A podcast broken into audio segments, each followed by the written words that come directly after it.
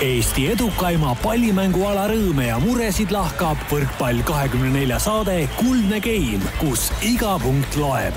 taustajõuna hoiab mängul hoogus ees Kredit kakskümmend neli.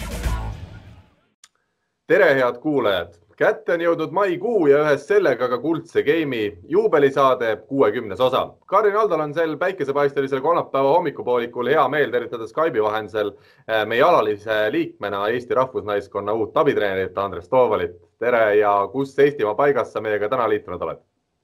tere, hetkel Pärnus.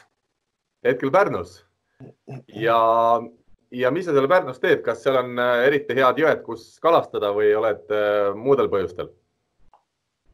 Nojah, siin saab kokku nii jõgi kui, kui meri, nii et siit annab igale poole minna. selge, väga hea vastus.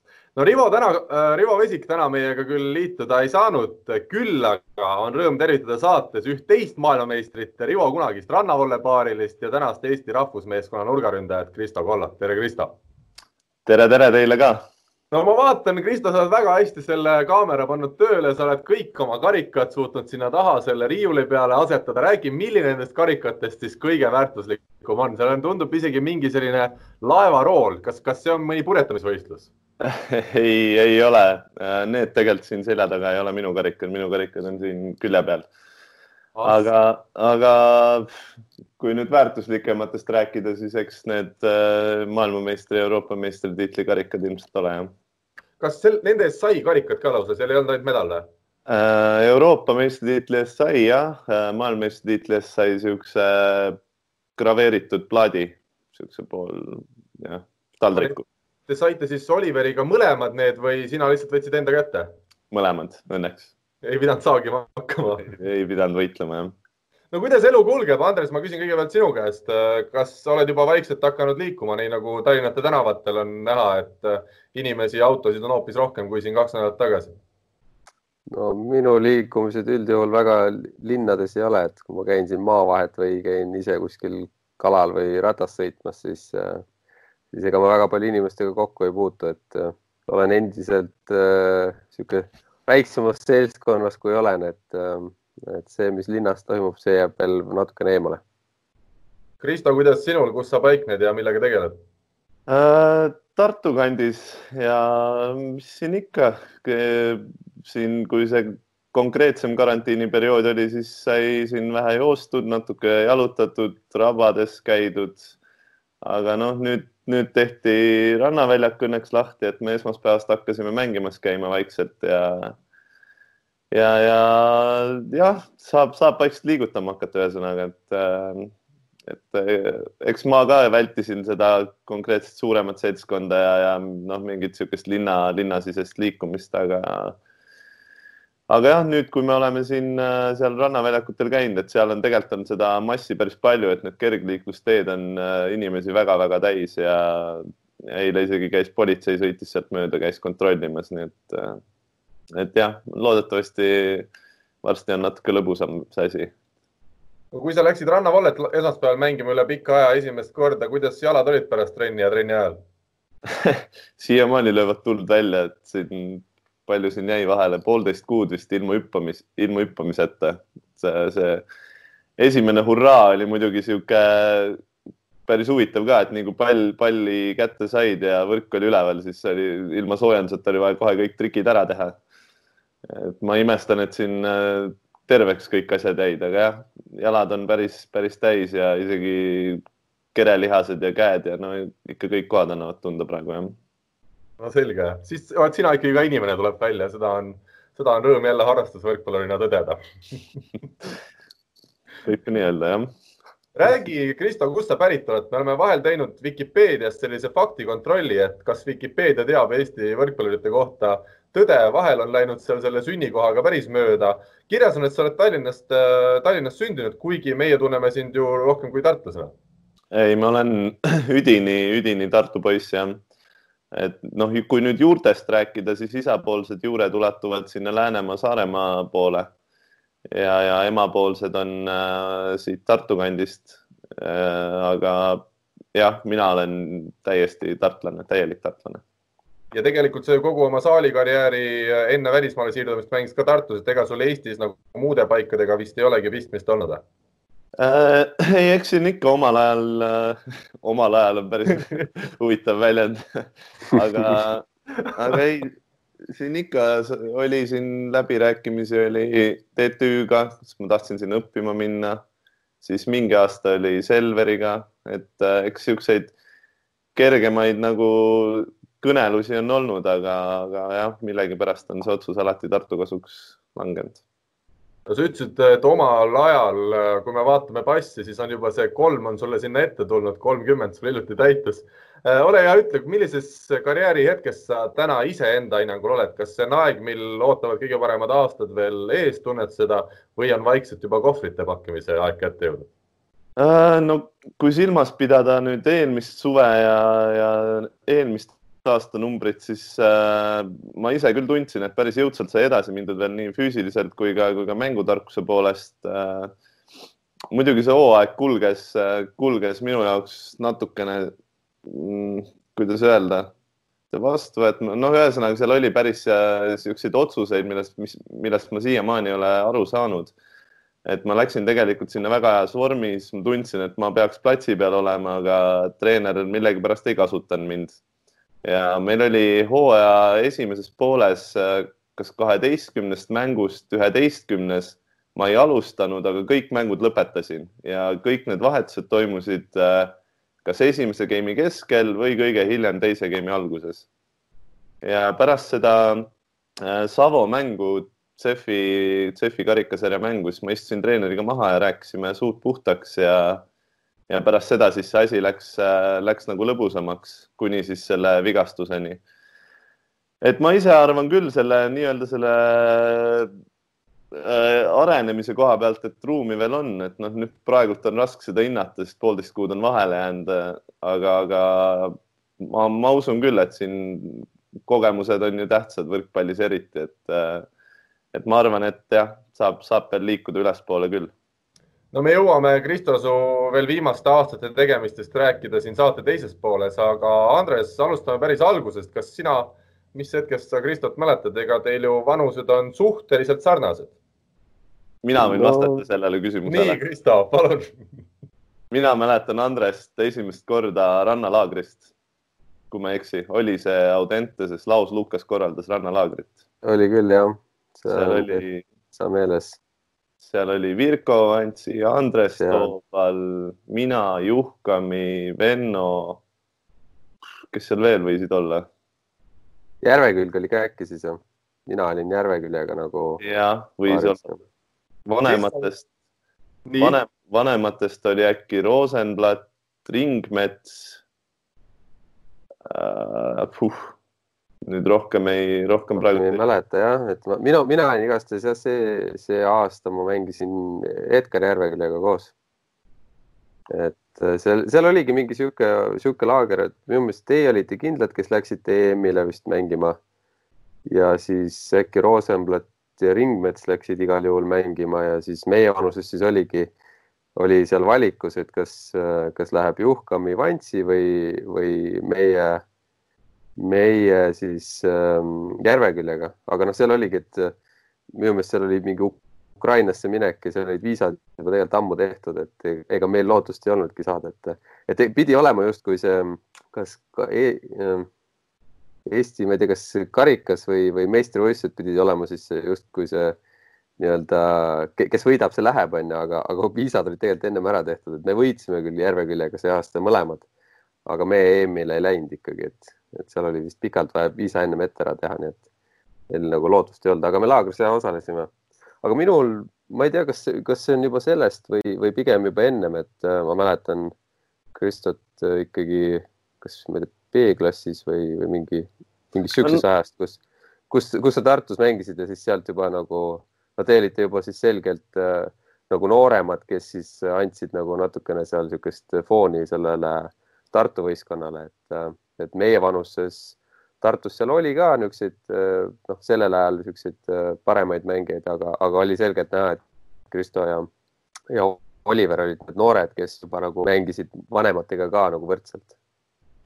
nojah, seal noorteklassis vist oli jah, sihuke üksteise vastu mängimine, aga sihuke konkreetsem kokkupuude vist. ja, seda küll jah. laagris jah. kaks tuhat seitse vist võis olla siis laager või? ma mõtlen sedasi loogiliselt. veel varem. see oli kaks tuhat neli või viis, ma arvan. see ei olnud siis see EM, kus te võitsite, see oli hoopis mingi eelmine vanuseklass, Krista? ja, ja see oli, me olime äkki neliteist või viisteist Olkuga, ma päris täpselt ei mäleta. aga see oli jah, ikka varem jah mm. -hmm nii et siin tuleb midagi üles kaevama hakata, et ma saan aru, omal ajal käis nii, et korraldati laager, aga tegelikult olid mehed juba välja valitud, kes pääsevad Ukrainasse sellisele toredale võistlus- ja turismireisile või? No vot, järgmine saade saad Laos Lukase kutsuda ja küsida täpselt üle, mis värk on. vot ei, no ei tea täpselt jah, kuidas need asjad käisid, aga, aga ma tean, et tegelikult oligi, et ega see noh, ma ei mäleta, mille otseselt nagu ei öeldud, aga mingi hetk nagu tegelikult anti märku, et noh, et, et, et see on nagu niisugune, siis võeti nagu kui treeninglaagrisse, et noh, ega selles mõttes kasulik oli meile igal juhul, aga, aga, aga, aga see otsus jah, kuna oleks see Euroopa-sisene kuskil olnud päris nagu, kus viisat ei olnud, ei oleks vaja, siis vist oleks nagu see vähe nagu nii-öelda nii ausam, aga, aga kuna, kuna see hetk juba noh, võib-olla see hetk, kui see otsus tehti, võis olla isegi Juhkami ja, ja Vantsi paremad, aga, aga suvega ma arvan, et me saime Järveküljega niisuguse hea tiimi kokku, et me mängisime suhteliselt hästi. räägi, Kristo, kuidas sa üldse võrkpalli juurde jõudsid, sul on vist ikka pere läbi ja lõhki spordiga seotud või? Jah, ega mul siin äh, fakti ette konkreetselt ei pandud, aga suunati, suunati ühte rada ja noh, need karikad siin taga on kõik vanemate võrkpallikarikad või ühe võrkpallikarikad, nii et mul isa mängis äh,, ta alustas küll võrdlemisi hilja, üheksateist või kakskümmend ja lõpuks ta mängis meistriliigas, ajas äh, omased, noh, tal oli sihuke sebi sponsoreid ja, ja ühesõnaga oli, tegi niisugust äh, kõike võistkonna juures ja ema on ka samamoodi Eesti meister ja, ja ta on ka ikkagi päris kõrgel tasemel mänginud mm. -hmm. et ma jah, siis kui ma kooli läksin seitsmeaastaselt, siis äh, ühes läksin ka võrkpallitrenni ja paralleelselt käisin siis korvpallitrennis korvpallitrennis ma jõudsin käia kas kolm või neli aastat. ja, ja siis pärast seda siis tuli mingi otsus teha. kuule, aga siin aga saab. tuli see kiirelt? ja, Andres. tuli, tuli see nagu lihtsalt või, või pigem nagu kaalusid ka seda, et kummaga jätad, jätkata? kuidagi ei, ei tekkinud seda kaalumismomentigi, et ühel hetkel lihtsalt jäi see, ilmselt vaata noorus, nooremates klassides on see, et võrkpallitrenni ei ole nii palju, meil oli kas äh, kolm trenni nädalas või midagi sellist, et äh, sobisid need korvpallitrennid sinna vahele ilusti. aga mida aeg edasi, seda rohkem tekkis neid võrkpallitrenne juurde, et siis ei olnud nagu põhjust mingit muud alternatiivi sinna kõrvale suruda. Et, et äh, pigem sai see nagu loogiliselt lihtsalt astutud, jah. aga nii ei olnud, et pigem oleks tahtnud kossu minna ja jätta võrkpalli vähemaks? ei no see on eks mind ole narritud ka siin omal ajal, omal ajal jälle olen narritud ka siin, et kui mul võrkpallis, ma olin suht sihuke tujutsev mängija nii-öelda, olin, võib-olla olen siiamaani, ei tea. Et äh, iga kord, kui seal võrkpallis midagi kehvasti läks, läks, siis ma ütlesin, et mulle aitab, ma kossu ära nojah, siis see, see kuidagi jäi külg, külge, aga, aga tegelikult on, on see võrkpall ikkagi alati jah, number üks olnud. kuule, aga mul tuleb kohe ette, et siin Võrkpalliliit korraldab neid äh, vestlusi ka mängijatega Facebookis nädalas korra ja seal on ikkagi kõik, kes sealt läbi on käinud, on öelnud, et nemad on meie koondise parimad korvpallurid, et kas nüüd sina oled selles nimekirjas, võiks olla järgmine, kes ikkagi nimetaks ennast nagu parimaks jah, nii palju, kui ma seal peale olen sattunud ja vaadanud olen, siis äh, ei no eks igalühel ole ju sihuke enda arvamus, aga no ma ei tea. kõigil on lihtsalt hea enesekindlus, et mina olen ja siis. noh, jah, ei huvitava võistkonna saaks kindlasti kokku võrkpallikoondise meestest, et äh, seal on osavaid mehi küll sealt peaks ära, selle peaks kunagi ära tegema, kui te olete natuke juba karjääri lõpetamas, see oleks väga huvitav äh, olukord, panna vastu mingisugune selline korvpallipunt, kes ei ole võib-olla kõige kõvem, aga ikkagi oskavad ka mängida. ja see oleks tõesti huvitav väljakutse. no vot, aga karjääri jooksul ma ei julge sellist asja teil korraldada, sest muidu Eesti võrkpalli suur vaenlaseks saaks. seal võib enne mängu võib panuseid teha, kes tervena platsi pealt ära tuleb no. aga Andres, sa rääkisid enne, kui me sinuga rääkisime siin sellest, et Kristo tuleb saatesse, et kas noorena oli, oli Kristol midagi juhtunud, mingisugune kukkumine või midagi sellist või? meil oli jah arutluse all kuidagi nagu see, see, see vigastuste asi ja siis, siis mul tuli meelde Kristo mingi jutt äh, põlvede kohta, et, äh, et tahad sa seda meenutada või mul midagi on õrnalt meeles, aga ma ei tea, kas mul õigesti on, et. Ei, äh, no kui konkreetselt nagu vigastustest, ma ei tea, kas sa mõtled seda. meniskite asi või mis sul oli? Men meniskeid mul on kolm korda lõigatud jah, esimene oli neljateistaastaselt jah, neliteist, siis ma hüppasin koolis, oli hinde peale oli kolmikhüpe, kui ma ei eksi. tulemust ma jää, ma ei mäleta, ma ei hakka sinuga siin, Karl, isegi võistlema mitte ja seal ma mäletan, et see krõks käis ära põlves, aga ta ilmselt täiesti puru ei läinud ja noh, nii noores eas need luud ja asjad veel kasvavad, lihased arenevad, et siis oli, menisk oli põlves, oli kolm kuud puru ja kuni siis käis see teine plõks ja siis oli põlv täiesti plokis ja selle arvelt siis mul see vasak jalg on äh, circa kolm sentimeetrit väiksem kui nagu reie ümbermõõdult. jah, aga kuule, räägi mulle, mis kool see tore kool oli, kus juba sellises eas hüpati koolitunnis seda kolmikut. ma ei ole Tallinnas me kolmikut kuidagi kehalisel tunnis kunagi hüpanud. see oli äh, põhikool, ma käisin Mart Reiniku gümnaasiumis. et sinna ei soovita siis minna? ei soovitan absoluutselt, väga hea kool oli aga jah, see oli, oligi vist niimoodi, et pärast seda, noh, kuna see treener teadis, et ma mängin võrk, treener, kehalise kasvatuse õpetaja teadis, et ma mängin võrkpalli, et siis piiras nagu minu tegemisi seal äh, kehalise tunnis ka, et pärast seda aastat ma ei, tegin põhimõtteliselt ainult need asjad ära, mis oli vaja hinde peale teha ja ega ma otseselt seal kohal ei pidanud käima. selge.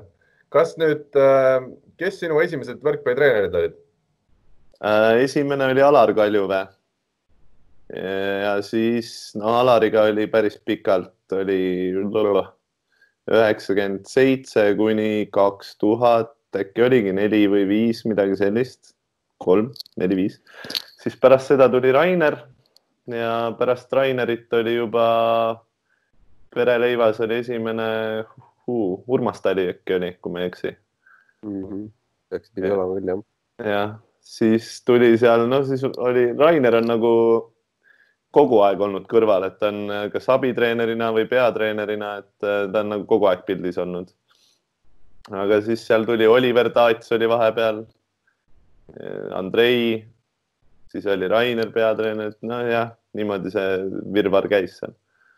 mida sa mäletad võrkpallitrennidest noorena, kas äh, kas sulle meeldis see ala nagu ikkagi kohe, kuna sa olid sellega, ütleme lapsest saati tänu vanematele kokku puutunud? Äh, jah, selles suhtes ma käisin isaga kogu aeg, ma mäletan, ma mäletan noort Gert Toobalit näiteks. ta oli kunagi noor ka? Gert mängis äh, Paide Hereses ja ma käisin seal, ma arvan, ma olin mingi nelja-viieaastane, siis Gert mängis. Gert oli, ma arvan, ma ei tea, kui vana ta võis olla, kaheksateist, seitseteist, no ikka nagamann ja ta mängis endast kõvasti vanemate meestega ja juba tollel ajal ta oli sihuke rusikas vastu lauda ja teete nii, nagu mina ütlen, et nagu kontrollis, kontrollis, ma noh, jah, see on minu, minu peas on selline pilt nagu tollest ajast. Aga jah, siis ma nägin juba Kerti mängimas ja eks siin äh, muud ka, no Pärnu vastu, kui isa mängis ja Rakvere vastu ja igal pool sai ikka kaasas käidud jah, alati. Meil Argo Meresaar ütles, et kui tema ikkagi oma noori, neid kõige nooremaid õpetab, et neil on esimene asi, mis nad tahavad selgeks teha, on hüppeltserv, et kas sul oli ka seal nelja-viieaastaselt tuli juba hüppeltserv nagu lihtsalt? ei, ei, ei olnud. Selles suhtes äh, Kaljuväe Alar äh, tegi nagu seda võrkpallitrenni ehitas päris huvitavalt üles, sest nii palju, kui ma olen äh, näinud, kuidas tänapäeval tehakse seda tollel ajal meil oli, mängisime jalgpalli, et noh, tekitas nagu huvi liikumise ja spordi vastu, et ei olnud konkreetne suunitlus, et võta nüüd pall ja mine sööda vastu seina või midagi sellist. et seal oligi, ma arvan, ütleme tunnikene oli sellist osa, kus sa mängisidki kulli, rahvastepalli, jalgpalli, mingeid siukseid asju ja siis pool tundi kuni nelikümmend viis minutit sellest trennist oli siis nagu konkreetselt võrkpalli niisugune suunitlus, tehniline ja, ja noh, niisugused asjad. et ta tekitas nagu huvi pigem äh, liikumise vastu, kui konkreetselt kohe selle võrkpalli vastu.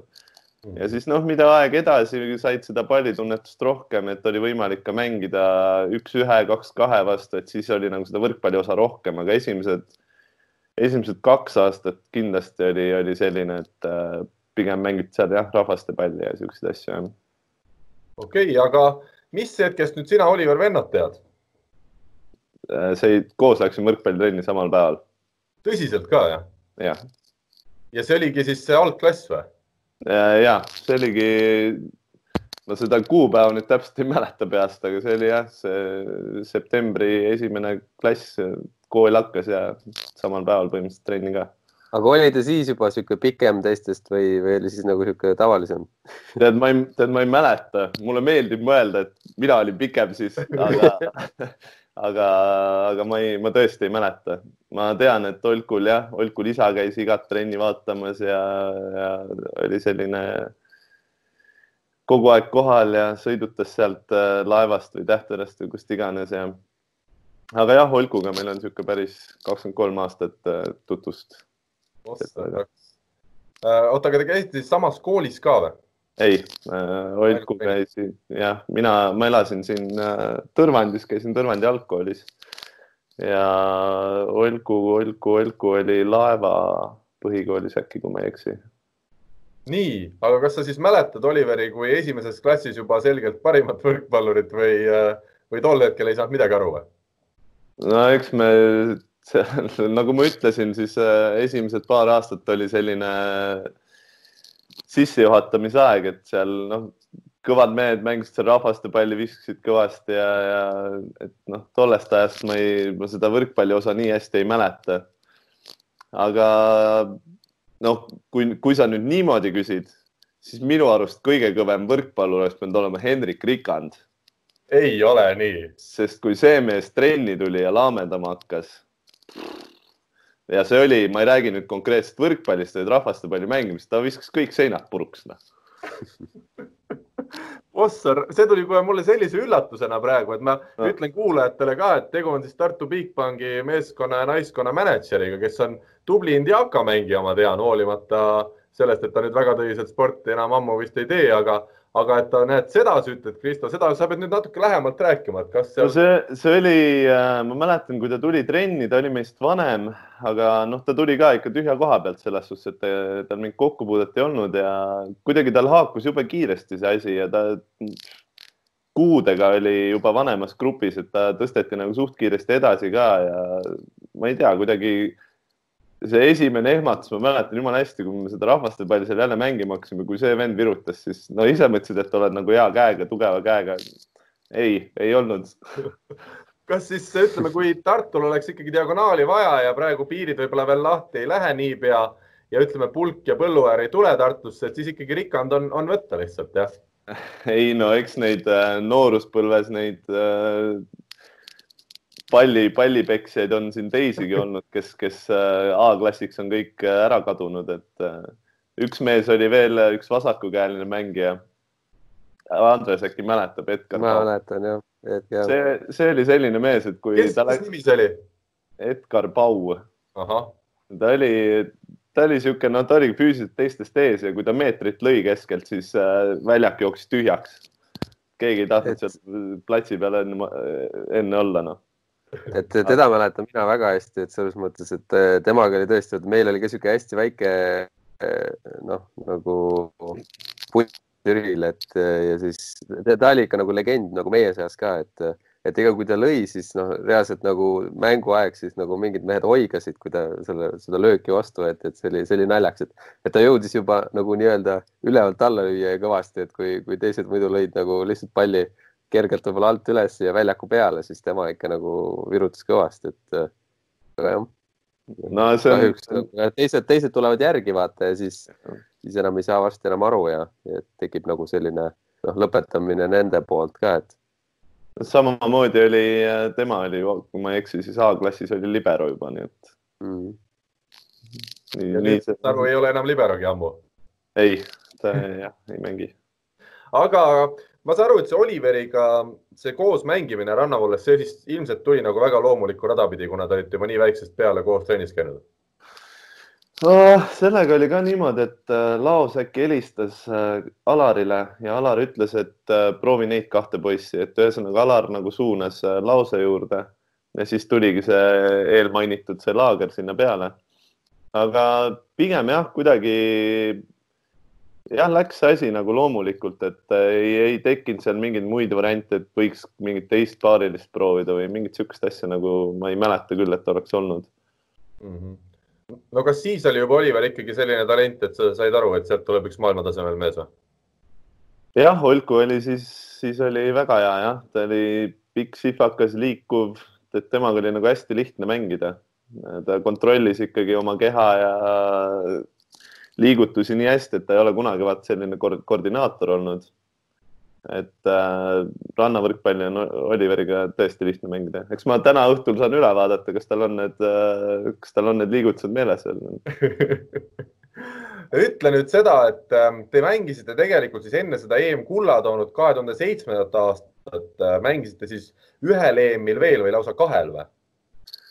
Äh, me mängisime ühel EM-il ja ühel MM-il. kuidas läks? Äh, EM-il me jäime üheksandaks, kui ma ei eksi, aasta vanematega ja MM-il, selle ma, selle, selle ma ei taha valetama hakata, ma arvan, et seal kolmteist või midagi sellist. Okay. nii, aga siis tulid need ilusad aastad, kaks tuhat seitse EM-kuld äh, omaealiste seas ja kaks tuhat kaheksa veel Hollandis MM-kuld ütle päris ausalt, kas sel hetkel hakkas äh, nii-öelda jalad maa pealt tõusma ka vabal ajal juba õhku või, või te säilitasite kaine mõistuse ja saite aru, et palju tööd on veel teha? ei no vanus oli selline, et mis, kust need jalad siis äh, siia maa peale jäävad. seitsmeteistaastaselt Euroopa meister, ikka käid nina püsti ja rinde ees. aga ei, pigem oli jah, see kaks tuhat seitse aasta, see võit oli äh, sihuke, et äh, kuidagi sihuke emotsionaalselt ja, ja noh, oli nagu sihuke vägevam. et kui kaks tuhat kaheksa see mm tuli, siis ma ei tahaks öelda, et see oli nagu sihuke loomulik edasiminek, aga pärast seda MM-i oli sihuke eufooriat oli natukene vähem mm. -hmm. et seal võib-olla peeti meid favoriitideks või mis iganes seal mõjutas, aga me olime suht enesekindlad terve tolle turniiri jooksul, jah ma vaatasin neid MM-i tulemusi, te vist kaotasite kogu turniiri peale seitsme mänguga ainult ühe game'i ja finaal oli ka selline, mõlemad game'id võitsite nelja-viie punktiga, et ega seal tundubki niisugune tavaline jalutuskäik pargis kahe Eesti mehe jaoks, et võtsime jah, ära. seal poolfinaalis me poolakatega rapsisime natukene, aga noh, see oli ka meie enda, enda rumalusest, aga finaal usakate vastu oli jah, sihuke mm, -hmm. läks hästi no ma vaatasin, et ameeriklased vähemalt kuskile väga kaugele lõpuks ei jõudnud, et, äh, et te jõudsite oluliselt kaugemale lõpuks võrkpalluritena. jah, nad vist äh,, ma pärast mõned aastad hiljem veel suhtlesin selle ühe, ühe mängijaga, siis ta mängis seal kolledži tasemel USA-s. aga minu teada nad jah, lõpetasid ära mõlemad. no mis teile edu tõi siis, kas te olite natukene ka ütleme teistest füüsiliselt võimsamad või te olite lihtsalt nii osavad ja ja ütleme nii hästi sobisite kokku, et Oliveri näol oli selline pikk mängija, kes plokis hästi tegutses ja sina olid siis kaitsespetsialist. no eks siin on äh, kõva osa on kindlasti Raineril ja, ja üldse me saime ju trenni teha tollel ajal juba Kristjani ja Rivoga, kui ma ei eksi, et äh, meil oli päris kõva nagu see sparring oli taga ja võib-olla noh, kindlasti need mängisid rolli no lisaks siis veel Olku oli alati üks pikematest blokeerijatest, seal üks hollandlane vist oli pikem, kui ma ei eksi. ja jah, kuidagi see klapp nagu toimis ja. kuidas teil trennis Kristjani ja Rivoga vahekord oli siis tollel ajal kaks tuhat seitse, kaheksa? et seda, selle ma jään sulle võlgu, ma tõesti ei mäleta. jah, jah. tõesti ei mäleta. eks seal, noh, Kristjan oli alati sihuke, mäletan, et Kristjan tuli ükskord trenni kõik sõrmed olid ära teibitud siit, kõik lülid. ma küsisin, Kristjan, mis juhtus, ütles, et täna läheb laksutamiseks kas sa oled selle endale ka üle võtnud, selle kombe? ei ole. selge. laksutada, laksutada mulle meeldib, aga teip mulle väga ei sobi.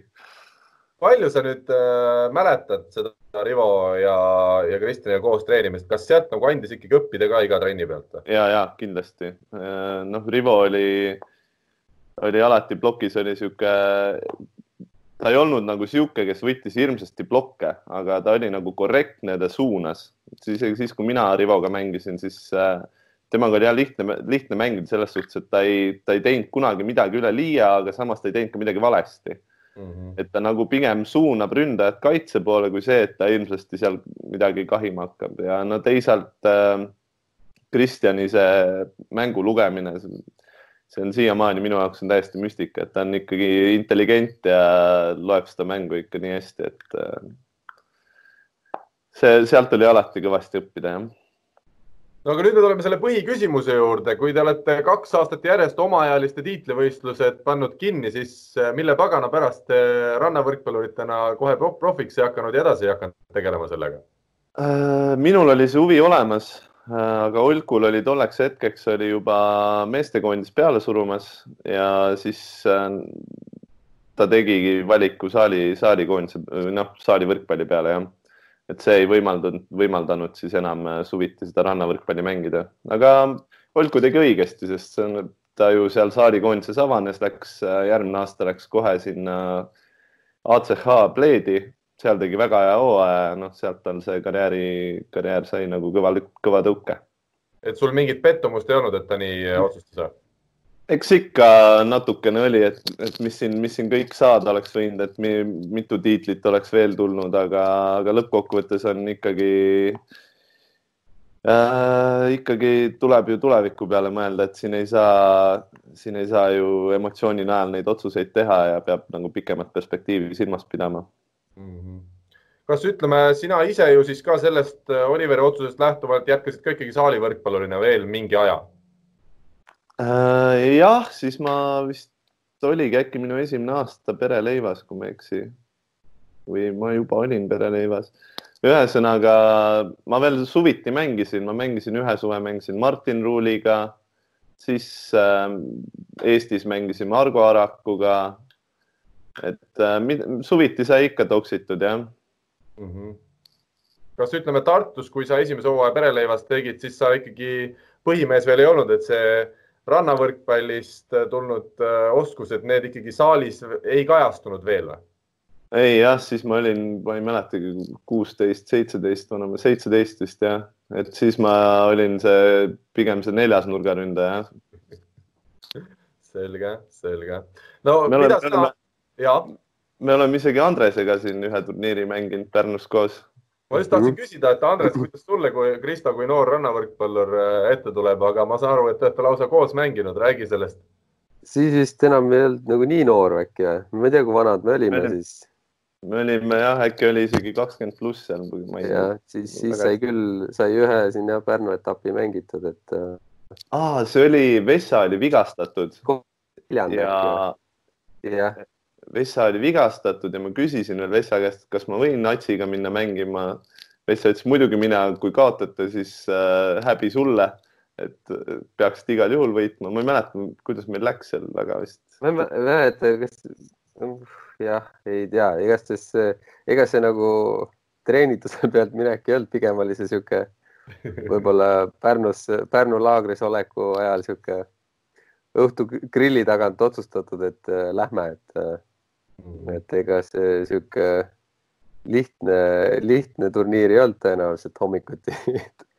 Et seal oli, seal oli kindlasti sihuke võrkpalliseltskonnas väga kaua ööni oldud äh, üleval ja siis lihtsalt mängitud, et ega niisugune tõsine sportimine ei olnud, aga, aga ma mäletan, et Kristal oli siis, äh, kuna ta tundis nagu veits vastutust ka, et kuna mina ei olnud see aeg vist üldse nagu, ma ei tea, kus ma üldse rannast teinud õieti. siis ma tean, et tal oli hirmus vastutus, nii et iga kord, kui isegi ma mingi vea tegin või midagi, siis, siis Kristo ütles kogu aeg, ei ole midagi, minu viga ja ma tahtsin, ma tahtsin, ma tahtsin täpselt sama asja rääkida just et mulle hakkas see juba nagu kummitama ja siis ma läksin juba mingi hetk natuke närvi, mõtlesin, kuule ei, nüüd aitab, ei ole kellegi viga siin onju, et mängime rahulikult, nii tuleb, mis tuleb, onju, ei ole siin mingit. aga see oli jah, Kristal mingi vahepeal mingi komme see öelda, et see minu viga on, et siis aga ei, ma, ei, see oli väga tore. me oleme niisama trenni ja kõike muud teinud ka, mängida jah, väga ei ole nagu koos vist. jah, see ongi vist ainuke turniir. kas me noorteklassis ei mänginud mingit asja koos? ei, ma mängisin Juhkamiga. sa mängisid vist Juhkamiga, jah? Puuga mängisin, jah. et ühe korra me oleme mänginud vasta, vastamisi, siis oligi äkki siis vaata, kui see Juhkami ja, ja Vantsi läksid, kas see oli karikas või Eesti meistrid, meistrikad, kui nemad olidki siis seal Ukrainas EM-il samal ajal ja me olime va finaalis vastamisi. minu Olku vastu või? jah. võis olla küll, jah. ja me mängisime Järveküljega, et siis seekord veel ma võitsin sa mainisid Rainer Vassiljevi rolli selles äh, sinu ja Oliveri maailmameistriks tulekul. kas te ikkagi tegite siis päris tõsiselt juba trenni äh, ja kui ja ütleme, kui pikk see periood oli, mil te trenni saite teha, kas see oli ikkagi suvel enne neid tiitlivõistlusi või te tegite ka talvel natuke midagi juba? ei, äh, too oli ikkagi puhas sihuke saalrand, et lasid äh, kaheksa-üheksa kuud saalis ja siis panid äh, kolm-neli kuud randa peale mm. -hmm. et seal nii kui saal läbi sai, siis ma ei, ma ei tea, kas nädal aega oli võib-olla seal väike pausikene ja siis äh, kupatati juba randa hoolega, jah okay.. Et Raineril oli, oli nagu alati see treeningplaan ja sparring ja kõik asjad olid nagu ette-taha ilusti ära tehtud ja mm. -hmm kas te Oliveriga vaidlesite ka vahel väljakul või? oi jumal, välja, väljakul ja väljaku väliselt ja kus me ei vaielnud. aga Oliver tundub nii rahulik tüüp ju. no aga mina ei ole rahulik ei, meil oli ikka, oli neid sõnelusi ja ma, kõige ehedamalt ma mäletan, oligi see mm aasta vanematega mm. seal me kaotasime see võiski olla pääsu eest veerandfinaali mäng. üks Austria paar oli vastas, see üks mängija mängib siiamaani Austria liigas ja rannavõrkpalli ka ja teine oli, no ta oli lühem kui Rait Rikberg, noh. ta oli ikka väga väike mees ja me saime ilge ketuka sealt, kakskümmend üks, seitse oli teine game, kui ma õigesti mäletan. ja siis me tülitsesime kõvasti, sest mängisid äh,, too mäng isegi mängiti Olku peal, noh tavaliselt ikka kiusati mind Äh, mängiti Olku peale ja Olku lõi, lõi, aga see väike jupat, see passis seal, kaitses kogu aeg, tõstis kõik üles ja saimegi tappa. no siis me, siis me tülitsesime platsi peal, siis me tülitsesime platsi väli, väljas. Ja see asi vist äh, noh, me kõndisime niimoodi, et pärast mängu üks läks vasakule, teine läks paremale. ja see vist kulmineerus sellega, et Rainer võttis meid kokku ja tegime nagu siukse kolme, kolme vahel siukse koosoleku, et, äh, et asi lõppes sellega jah hmm.. aga rohkem selliseid suuremaid tülisid Molkuga ei, meil ei olnud väga jah ja.. okei okay., aga kui me siin saate esimeses osas oleme ikka keskendunud rannavõrkpallile, siis mingil hetkel sa tegid otsuse uuesti rannavõrkpallile veel rohkem keskenduda ja, ja siis oli vist paariline ikkagi juba Rivo või? jah, Rivo, Rivo tegi pakkumise, et kas ta, kas ma tahan proovida ja ega ma seal kaua ei mõelnud seal põhimõtteliselt päevapealt, et mhm. proovime. Mida see pakkumine tähendab rannas, kas see tähendab, et Rivo ikkagi pani sulle mingid numbrid ka kuskile sinna paberi peale kirja, et, et sellega võib teenida ka või see tähendas puhtalt seda, et ainus raha, mis tuli, oli auhinnafond? Äh, ei, see oli põhimõtteliselt EOK, noh, see on sedasama, mis Kusti ja Mart saavad praegult, et see aga kui nagu finantsiline pool välja jätta, siis pigem oligi see pakkumine see, et Rivo tahtis nagu täis profi mängida, et äh, septembrist alates või noh, okei okay,, september on liialdus, ütleme seal oktoobri lõpp, äh, novembri algus, et sealt alates siis äh, täisrand ja teeme täistuuri kaasa ja ja et, et see, et siis oleks nagu saalivõrkpallile vaja paus, paus tõmmata. kas see oli sinu jaoks selline suur siis lootus jälle, et äkki ikkagi see rannavõrkpalluri karjäär õnnestub äh, teha, ütleme need asjad ära, mis sul äh, Oliveriga jäid tegemata, kuna Oliver tegi teistsuguse valiku? no ma olen alati öelnud, et rannavõrkpall on minu jaoks niisugune natukene südamelähedasem võib-olla, et et noh, ma, ma naudin seda liiva ja, ja päikest ja eks kui vihm on, siis ma muidugi mõtlen, et tahaks saali, aga aga ma ei ütleks, et see, see oleks nagu mingi jätk olnud sellele või et, et nagu midagi jäi tegemata, aga noh, Rivoga meil olid äh, plaanid ja, ja unistused, mis me mõlemad tahtsime nagu täide viia ja kuidagi need äh, mingis, mingil määral klappisid ja eks me proovisime ka seda olümpiapiletit ja, ja noh, kõiki siukseid asju. oli palju häid ja halbu aegu, aga, aga jah, ma tollel hetkel mõtlesin, et ma tahaks ikkagi proovida veel jah. Kuidas sa kokku võtad selle Rivoga koos mängitud aastat, kas, kas te oma potentsiaali realiseerisite ära, oled sa tagantjärele suutnud seda mõelda või teil jäi ikkagi mingitel põhjustel palju asju veel saavutamata? Ähm, mina arvan, et me ei realiseerinud oma potentsiaali ära et seal oli päris palju oli minu taga, sest äh, kui ma praegult võrdlen, kui vana ma olin, siis kakskümmend kaks, kakskümmend kolm, mis iseenesest võiks füüsiliselt juba olla selline aeg, kui nagu on jõudu ja rammu, aga kui ma praegult võrdlen ennast tolle, tolle ajaga, siis äh, need, need vahed on päris, äh, päris suured füüsilisest seisukohast just, et äh, ma arvan, et mina oleks saanud kõvasti juurde panna, aga, aga üldpildis äh, noh jäi ruumi, ikka jäi, jäi, kindlasti jäi ruumi. Tead, ma ei, ma ei suutnudki välja otsida või leida, et mis teil koos see kõige parem turniir või kõige parem tulemus oli, sa äkki mäletad ise täpselt seda öelda? no kõige parem oli viies koht Anapa Openilt, et seal ma mäletan, mängisime pääsu eest poolfinaali. Rivo, kas ma, kas see, Semjenov mängis juba Krasilnikoviga minu arust, see, see praegune, see Stojanovski paariline. ja poolfinaalis saime kaks-üks tappa veel. Meil oli kolmteist, üksteist oli McKees või kaksteist, kümme, ma sain kaitses kätte, Rivo tõstis. ja mul oli juba välja mõeldud, mis ma teen ja Rivo ütles tühi, tühi, löö. ja siis mul tõmbas krampi ja ma lõin ja ma eksisin ja oli üksteist, kaksteist, tulid ühega järgi ja siis me saimegi peksa selle kolmanda game'i mm. -hmm et äh, jah, too, too turniir on, äh, on tulemuse poolest kõige parem ja noh, olime väga lähedal seal ka poolfinaali jõudmisel. No kuna sa oled vist ainus Eesti võrkpallur meestest vähemalt, kes on mänginud nii äh, saalis kui ka rannas Euroopa meistrivõistluste finaalturniiril, siis sa võib-olla oskad kõige paremini öelda, et kui suur vahe nende alade vahel ikkagi on nii siis mängulise poole osas kui ka just vaimselt, et sul on väljakul kaks mängijat, mitte ei ole tervet võistkonda no vaimselt on, äh, see on jällegi nii ja naa, no üks asi on see, et vaimselt sa tõesti oled kahekesti rannas, et äh, siis on sul survet nagu rohkem. Aga teisalt on äh, publikut on kindlasti rohkem saalis, et kui sa ikkagi Poolas mängid seal kaheteist tuhande inimese ees, siis on see nagu teist, teistsugune surve, et see kontrast nagu minu arust nii suur ei ole, aga kui nüüd äh, neid kahte omavahel äh, võrrelda nii taseme või, või, või nagu niisuguse korralduse selle poolest, siis tollel ajal, kui meie Rivoga seal EM-il käisime, siis asi nagu liikus aasta-aastalt äh, professionaalsemaks. no meie Rivoga käisimegi kahekesti, seljakott seljas, raamat näpus, käed taskus ja läksime aga noh, brasiillastel ja seal teistel hakkasid juba seal tekkima ikkagi delegatsioonid ja oli seal statistikud, treenerid, kes iganes. et me olime siuksed äh, põlve otsast mehed rohkem mm. -hmm.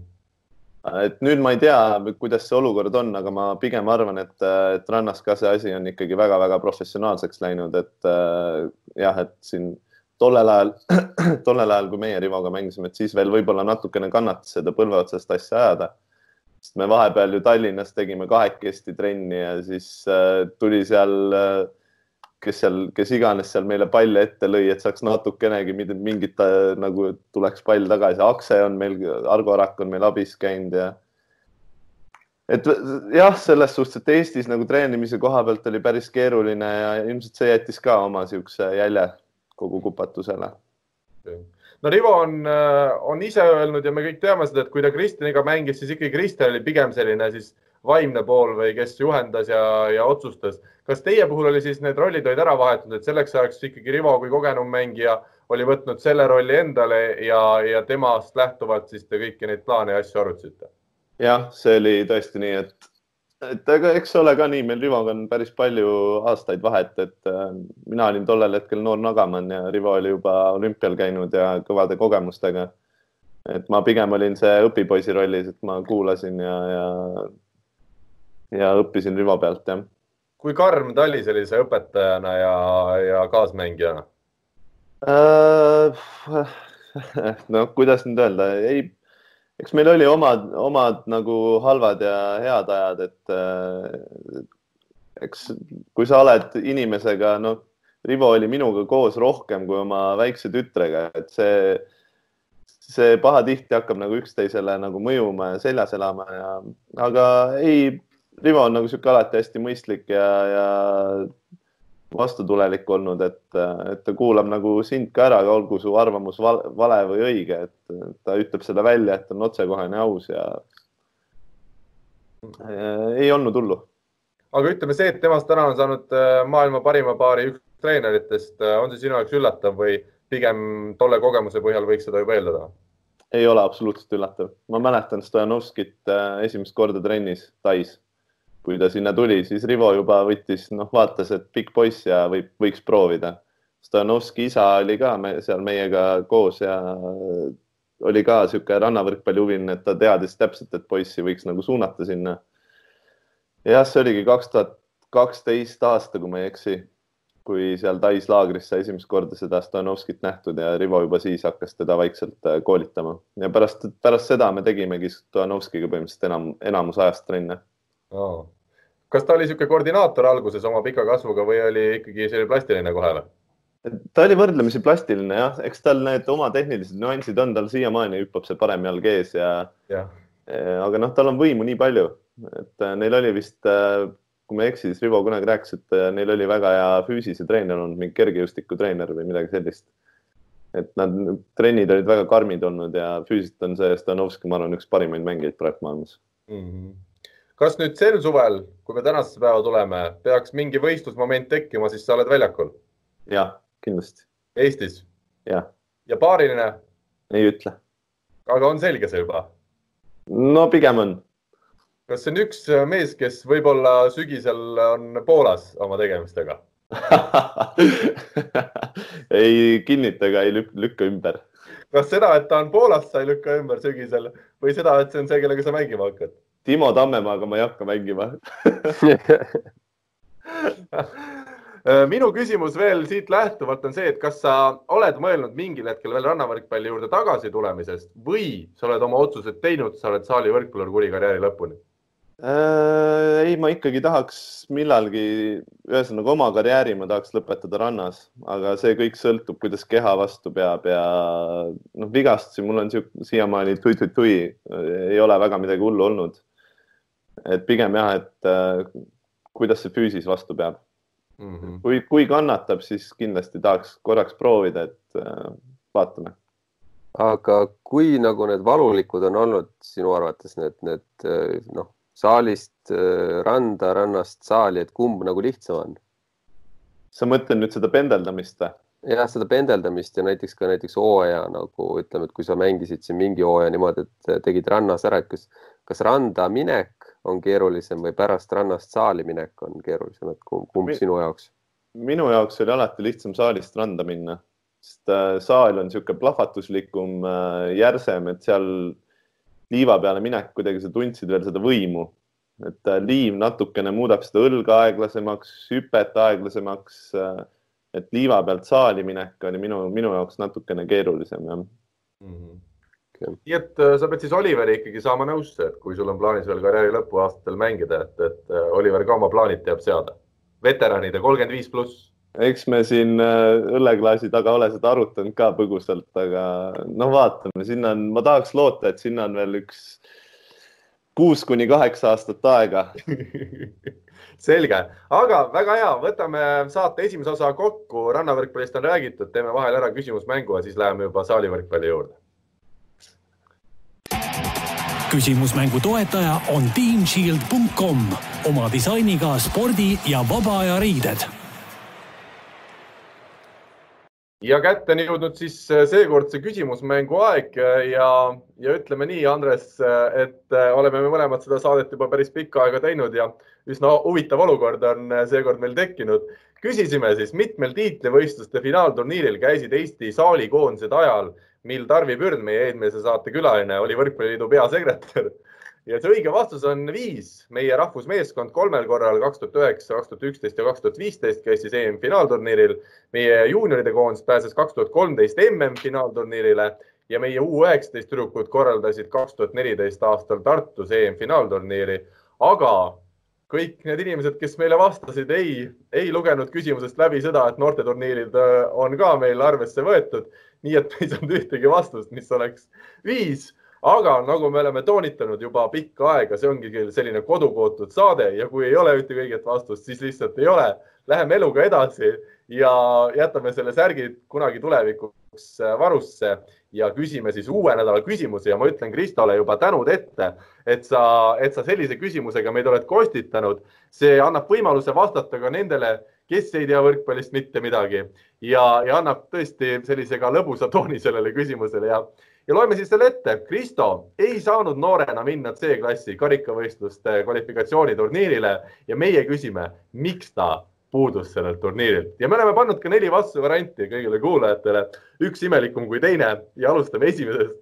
Äh, tal oli luulevõistlus samal ajal, teine variant, ta käis rahvatantsuvõistlusel samal ajal, kolmas, ta käis Indiaka võistlusel ja neljas, ta käis kabadi võistlusel ma ei tea, kas rahvatantsus võistlusi on, aga ühesõnaga variandid on luulevõistlus, rahvatants, indiaka ja kabadi. palun, Kristo, selgita natukene kabadi olemust. minule see, see sõna ja asi tuli esimest korda ette. seda on väga raske sõnadesse panna, ma soovitan kõigil kuulajatel äh, Youtube'is seda, need videod järgi vaadata ja siis äh, seda saab ka vabas õhus teha.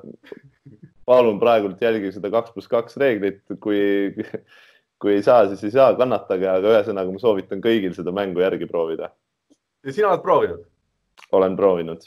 selge, järelikult me ei saa välistada seda, et see on õige vastus väga hea, igatahes info, et võrkpalli kakskümmend neli punkt ee on see emaili aadress ja võrkpalli kahekümne nelja Facebookile sõnumid teine koht, kuhu neid vastuseid saab saata ja läheb siis seekord meil loosi nii äh, Team Shieldi legendide võrkpallisärk kui ka Kristo mängusärk tänavusest hooajast Galati võistkonnast Rumeeniast, millega siis sai ka tuldud Rumeenia meistriks.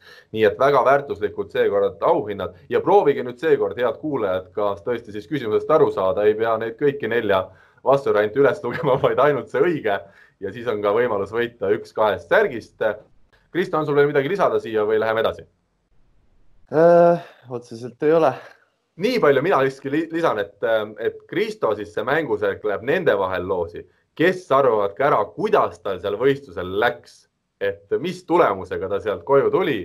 nii et äh, laseme kõigil seda arvata ja läheme ise siit saate teise osa juurde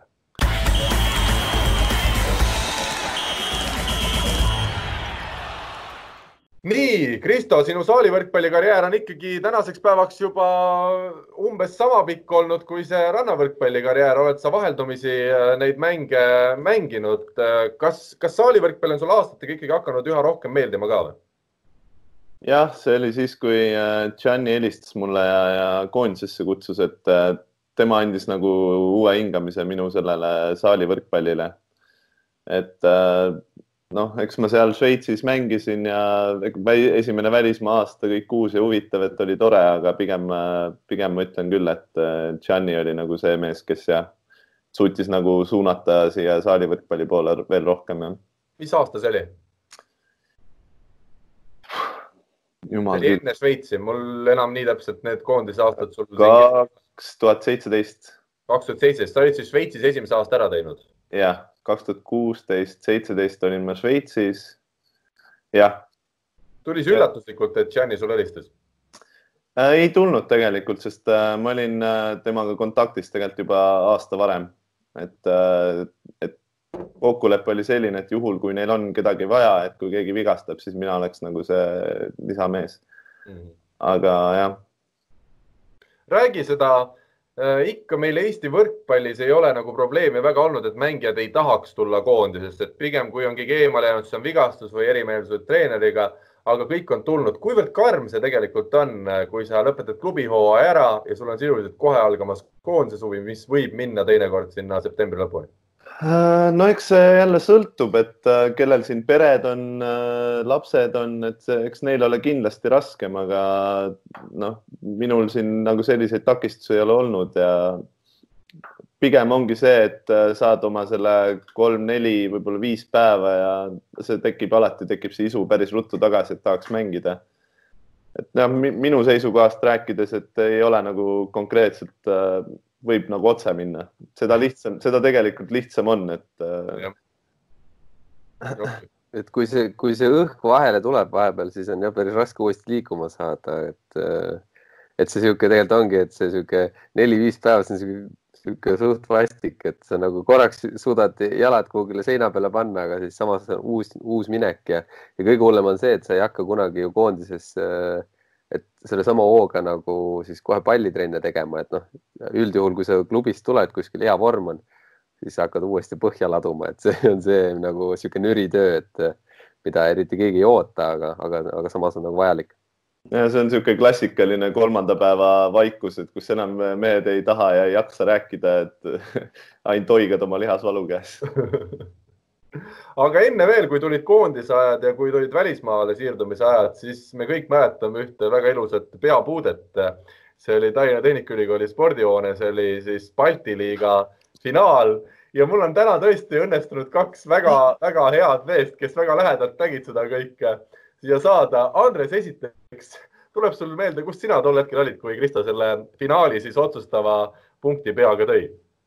Mina, mina puutusin enne seda seda välja, et see oli minu plokk. jah, nii ta täpselt oli. kas, kas sul on jäänud kuidagi midagi sedasi kripeldama ka sellest plokipuutest, et oleks saanud need sõrmed kuidagi teistmoodi üle võrgu toimetada või? ega see oli, kui ma tegelikult nüüd mul ei olnud väga pikalt nagu meeleski see, eks selle siuksed halvad asjad kipuvad kiiresti ununema või tekib mingi peas mingi plokk, et ei taha meenutada, aga, aga tegelikult, kui ma nüüd olen see aasta millalgi ma just siin jagasin seda, seda videot või keegi jagas sinna, siis, siis, siis ma vaatasin üle, et ega tegelikult oli selgelt näha, et ma viimasel hetkel sinna nagu arvan, et, et, et ta piiri lööb ja, ja kui võib-olla seda Kristo pead seal ees ei oleks olnud, siis see pall oleks ka võib-olla out'i põrganud, et, et see, et ta nüüd Kristot puutus nagu oli tore, aga et see nagu noh, nii, nii kehvasti puutus või, või nii hästi puutus, et, et loomulikult ega noh, selle, sellest, sellest ühest punktist valusam on, ma arvan, see kogu see mäng meie jaoks, et me, me olime vist päris pikalt ees ja see oli nagu suht meie, meie võtta seal minu meelest see, see mäng, aga, aga Tartu, Tartu poisid tegid oma ära ja et äh, Kristo sai, sai au ja kuulsust sealt kõvasti.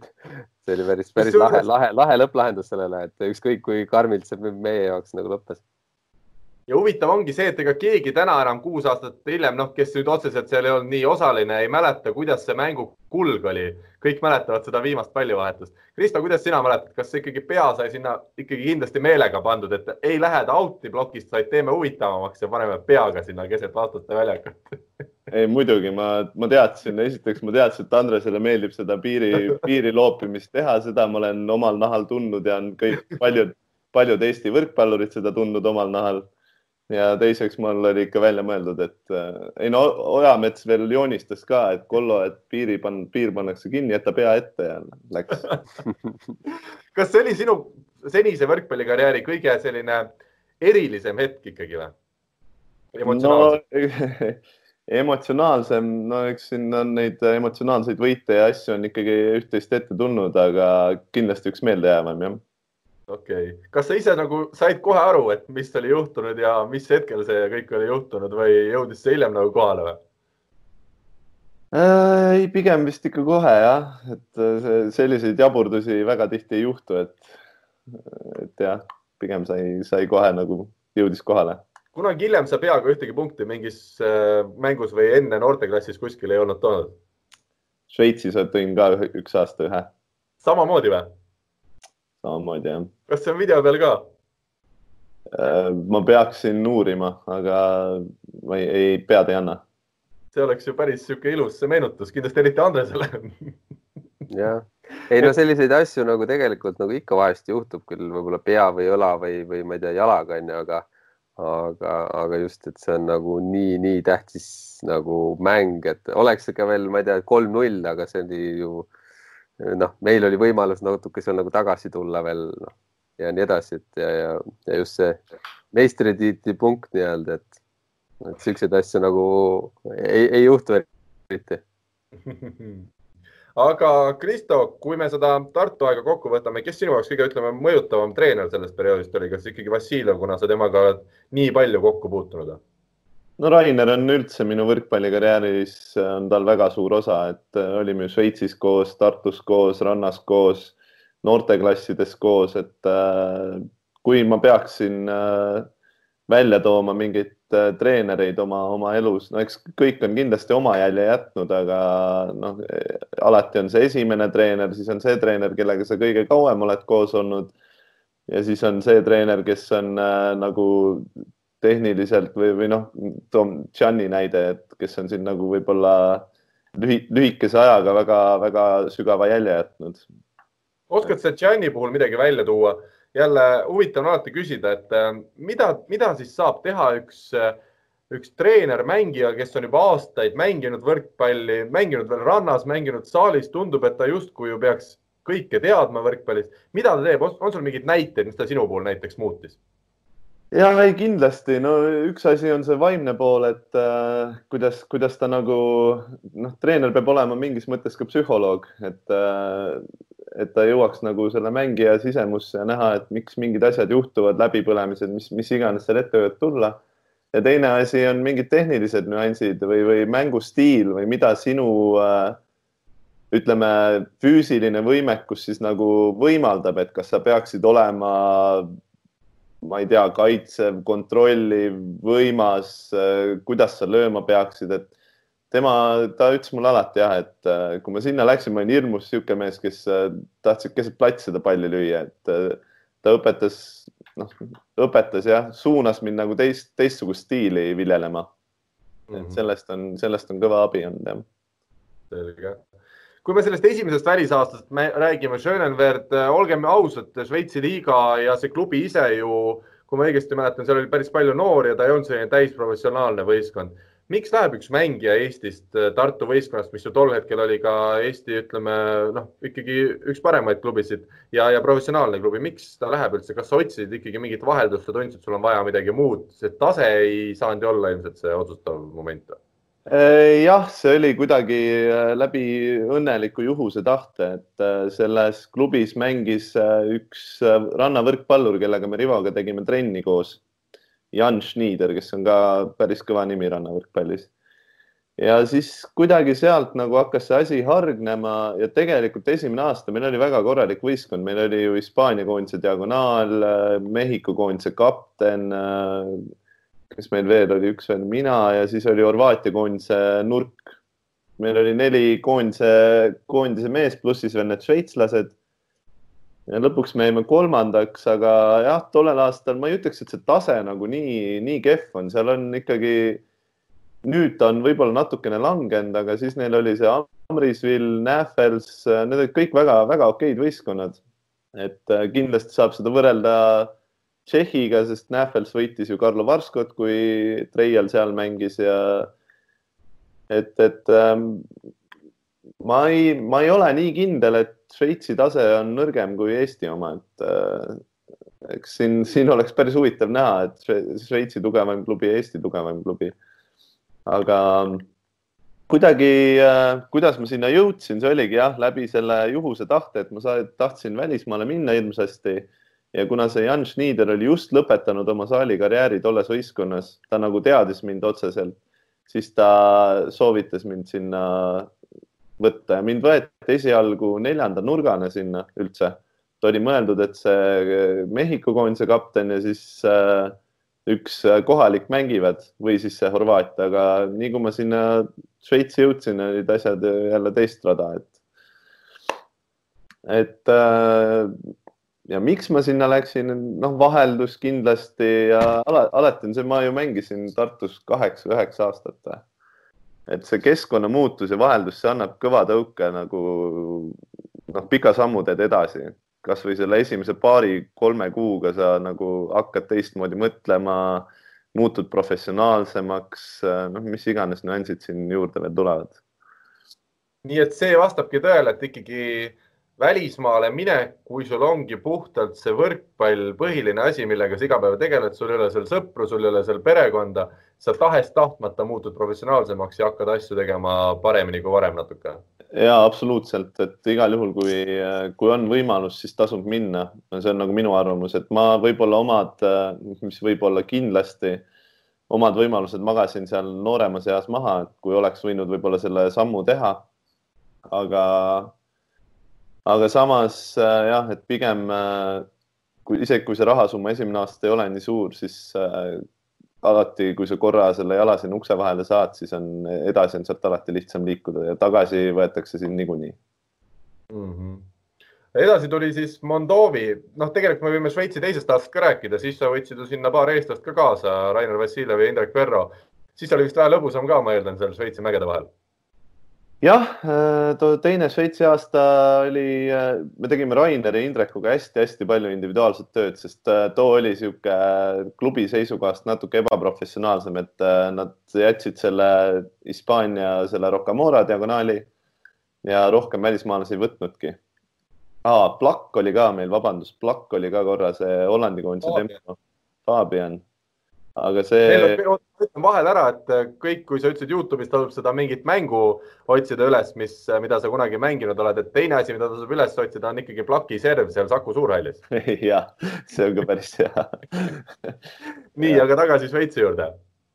Äh, jah, et siis klubi küsis mu käest, et nad tegid minuga, tegid esimene, pärast esimest aastat ma kirjutasin juba, kas äkki detsembrikuus uuel lepingul alla ja siis nad küsisid ka kohe, et äh, mis sa arvad, et kes treeneriks ja kas muuta ja ja alguses ma ütlesin, et vaatame ära hooaja lõpuni, et kuidas meil läheb. aga siis oli vist selge seal veebruaris või märtsis, et Šarko, äh, see Makedoonia koondise treener, see, see läheb ära. ja siis mul oli kohe vilksatas Rainer. ja Rainer siis käis suvel nendega kokku saamas, kõik asjad klappisid ja siis sa, Rainer võttis endaga veel Verro kaasa ja nii ta läks. et jah, too oli niisugune aasta, kus me Raineri ja Raineriga pallisaalis tegime hästi palju individuaalset vastuvõtutööd ja noh, tehnilist niisugust praaki lihvisime. ja lisaks siis äh, Verro jõusaal oli minu jaoks jällegi üle prahi. mul on väga suur respekt äh, Indrek Verro vastu, et kuidas tema nagu kui hingega ta oli asja juures, äh, noh, ma kujutan ette, et tal ka ilmselt seal väga lihtne ei olnud see Šveitsi aasta. ja kuidas tema nagu näeb jõusaalis neid asju ja, ja tema lähenemine mulle väga hästi sobis, jah. kas siis äh, Fabian Plakk tänu Vassiljevi ja Verro treeningutele sai lõpuks äh, nii heaks meheks või oli ta sel hetkel ka peamees või? võimu tal on, ta on päris tugev, aga mängutarkust ja sellist asja ja noh, see Šveitsi aasta, see oli, see tema jaoks väga lühikeseks, sest tal tekkis mm, väsimus murdsääres. ja lõpuks ta vist käis isegi opil sellega, pandi raud, raud sisse sinna. et ta vist oli kas kaks või maksimum kolm kuud ja siis ta oli, oli kõik temaga. aga kas nendest šveitslastest mingeid mängumehi ei tulnud, kes seal Vassiljevi käe all mängisid, need nooremad või? Jah, üks mees on Saksa, Saksamaal side praegult. Äh, Rottenburgis oli eelmine aasta, kui ma ei eksi, et nüüd ma ei tea, kus ta läheb. selge, aga edasi tuli juba Mondovi või kuidas see hääldus on Itaalias, oskad sa öelda? kõik kõlab hästi. kõik kõlab hästi küll aga ma tean, et ei kõlanud hästi päris see hooaja lõpp teil seal, te võitsite minu arust kas põhiturniiris oli see Itaalia see esiliiga ja lõpuks te, ma ei mäleta nüüd täpselt, aga väga kaugele te välja ei purjetanud mis äh, seal siis äh, seal lõpuks juhtus? Äh, seal oli puhas sihuke sisekliima ja sisepinged, et seal nagu mängumeeste oskused polnud absoluutselt pistmist, me oleks selle võistkonnaga võinud seal liiga ära võita seal rahulikult. no okei okay,, mitte rahulikult, aga olid väga head variandid, ütleme siis nii. aga lihtsalt noh, klubi esiteks noh, Treiali, Treial on rääkinud sellest juba, et kui, kuidas nagu mängijatega koheldi ja, ja ja noh, treener oli, ta oli karm, samas ta oli väljaspool väljakut oli sõbralik, aga noh, võrkpalli seisukohalt oli nagu temaga raske ühele meelel olla. ja siis äh, kolmas asi oli see president, kes minu arust tegi kõige suurema vea me võitsime selle põhiturniiri ära, see oli kolm mängu enne põhiturniiri lõppu, mis oli tegelikult märtsi alguses juba, märtsi lõpus pidi põhiturniir läbi saama. ja pärast seda viimast mängu president tuli saali, ütles poisid, super, palju õnne teile kõigile, väga hea töö, suur aitäh teile, aitäh, aitäh, aitäh, tšau. ja kogu lugu. Ja see oli, ma arvan, et kaks kolmandikku meestest tõlgendasid seda, kui, et äh, hooaeg on läbi ja saab parem koju, sest äh, klubi ainuke eesmärk oli äh, esiliigasse püsima jäämine. ja kuna me põhiturniiri võitsime, siis nende jaoks edaspidine ei, ei omanud tähtsust. aga ma mõtlen seda, et teil oli nii hea võistkond komplekteeritud ja ometi oli eesmärk ainult püsima jäämine, nad olid siis valesti komplekteerinud, liiga head mehed ostud või? Äh, vot seda ma ei teagi, ma ei oska, ma ei oska seda seisukohta selgitada, aga eesmärk play-off'is midagi saavutada ei, see ei käinud nagu, ei olnud kooskõlas äh, presidendi soovidega, ma ei tea. seal tekkisid rahalised raskused, tekkisid ka juba kas jaanuari või isegi detsembrikuus, et äh, palgad hakkasid viibima, et ma ei tea, kas asi oli siis selles, et mida vähem sa play-off'is mänge saad, seda odavam sul see hooaeg kokkuvõttes tuleb. et äh, äkki oli asi selles, aga ühesõnaga jah, siis äh, play-off'i esimene vastane, keda me ilmselt oleks pidanud võitma seal, löödi seal pikid päid ja jalgu meile ja saime koju ära kuidas seda mõjutati siis, et, et teil ütleme siis ise kliima ei olnud nii hea, kas see tuligi siis ülevalt poolt treenerilt ja mingilt presidendilt või ka meeskond ise sai aru, et meil polegi enam vaja midagi teha või? jah, pigem kui sealt ülevalt antakse vaata selline signaal, siis mängijad, sa võid ju öelda, et mis mõttes, et meie mängime edasi, aga alateadvuses ikkagi klõpsib, et saab parem koju ja milleks me rapsime, et niikuinii mingeid, midagi meie jaoks ei muuda mm. -hmm. et jah, võib-olla see alateadvus siis tollel hetkel sai võitu, et kuna seal oli päris palju noori mehi ka, siis äh,, siis jah, paraku läks nii. kas palgad sa oled tänaseks kätte saanud äh,? palgad sain kätte, boonused on puudu. ahaa, ja boonused oleks pidanud tulema siis selle põhiturniiri võidu eest või äh,? jah, seal oli üks boonus oli mul veel, aga noh, see on lepingu sees aga sa veel sõidad, võtad autoga reisi ette Itaaliasse, lähed neid välja nõudma või sa oled juba loobunud sellest või? Äh, ma tegelikult olen loobunud, sest äh, me agendiga veel üritasime, mis, kunas me üritasime, novembris eelmine aasta vist viimast, viimast korda, aga seal mitte keegi ei reageeri, ei vastata ka enam. ja no ma ei tea, kui tõene see on, aga ma olen seal äh, Itaalia tuttavatelt kuulnud, et, et see Mondovi võib-olla paneb uksed kinni. nii aga et sellisel juhul neil ei ole nagu mingit põhjust äh, mingit heategevust teha nende boonuste näol, kui nad niikuinii uksed kinni panevad, et, et ma ei, ma ei tea seda jah. Mind oli, huvitab see juriidiline pool, äh, et kui sul on ikkagi lepingus sees, me ei räägi mingist suusõnalisest kokkuleppest, vaid sul on lepingus sees mingi asi, mis sa peaks siis kätte saama kuidas on võimalik, et klubi, mis jätkab tegevust, okei okay,, sa ütled, et nad praegu võib-olla lõpetavad ära, aga nad ikkagi jätkasid tegevust, kuidas on võimalik, nad ei maksa või kuidas see nagu juriidiliselt on äh, tehtav? Äh, no seal on äh,, Itaalias on selline reegel, et sa täidad äh, hooaja lõpus äh, ühe paberi, paned allkirja, et sa oled kõik palgad kätte saanud. et kui, kui klubil on midagi maksmata, siis föderatsioon kohe automaatselt sekkub, aga no. boonused ei hõlma seda, seda süsteemi et boonused on tegelikult on äh, puhtalt sihuke ka omavaheline kokkulepe, et sa võid nende kallal jaurata kuskil, aga juriidiliselt äh, on, on pigem nagu keeruline jah. Aga kas sa tagantjärele mõtled, et võib-olla, ma küsin selle ära veel, et võib-olla nad sellepärast võtsidki või kirjutasidki lepingusse, et näed, sul on need ja need boonused, sa teadsid, et sul võib-olla palk on selle võrra väiksem ja boonuseid nad niikuinii sulle ei plaani lõpuks kõiki välja maksta noh, eks see boonuste süsteem on alati selline äh, väike riski business olnud, et noh, need boonused võivad jõuda ka sul kahe aasta pärast, et seda ei saa sulle mitte keegi kunagi kindlustada. et äh, jah, no see on, see on muidugi näiliselt on see mängijal alati on nagu kõva pluss, et no, sul palk on selline, siis sul on see boonus, see boonus, see boonus. aga mis, mis siis nagu tegelikult lõpuks saab, et seda ei, ei tea kunagi ja noh, seal on niisugune asi ka nende boonuste üldse, et ega ma tean, et julmalt kasutatakse vahest ka seda ära, et noh, et tagantjärgi eriti sellised noh, ütleme kriitilisemad klubid, et, et alati noh, kuskil ei ole midagi kirjas, aga, aga noh, niisugused äh, lihtsad asjad tehakse tagantjärgi, et ma ei tea, ei allunud normaalselt või ei, ei vastanud kvaliteedile ja kõik niisugused asjad ja, ja lõpuks, kui sa sellega nagu jaurad, viitsid jaurata, sa võid võita kohtus, aga palju sa pead nagu selle jaoks ise raha kulutama, et mm., et nad loodavadki natuke sellele, et sa lihtsalt ei lähe kohtusse, et, et kellel on aega, need äh, võivad seal võita ja saada viiviste pealt ja muude asjade pealt ka kasu, aga, aga see on nagu enda niisugune närvi kulutamine ja lõpuks ongi, sa pead arvestama siis palju sul seal raha, raha õhus on ja kas, kas see on seda väärt? kas sellepärast on siis Eestis nagu ikkagi hea mängida, et meil Eestis reeglina selliseid jamasid ei ole, et sa tead, et kui sa kuskil mängima lähed, siis sul ka need äh, nii-öelda lepingu tingimused kõik täidetakse?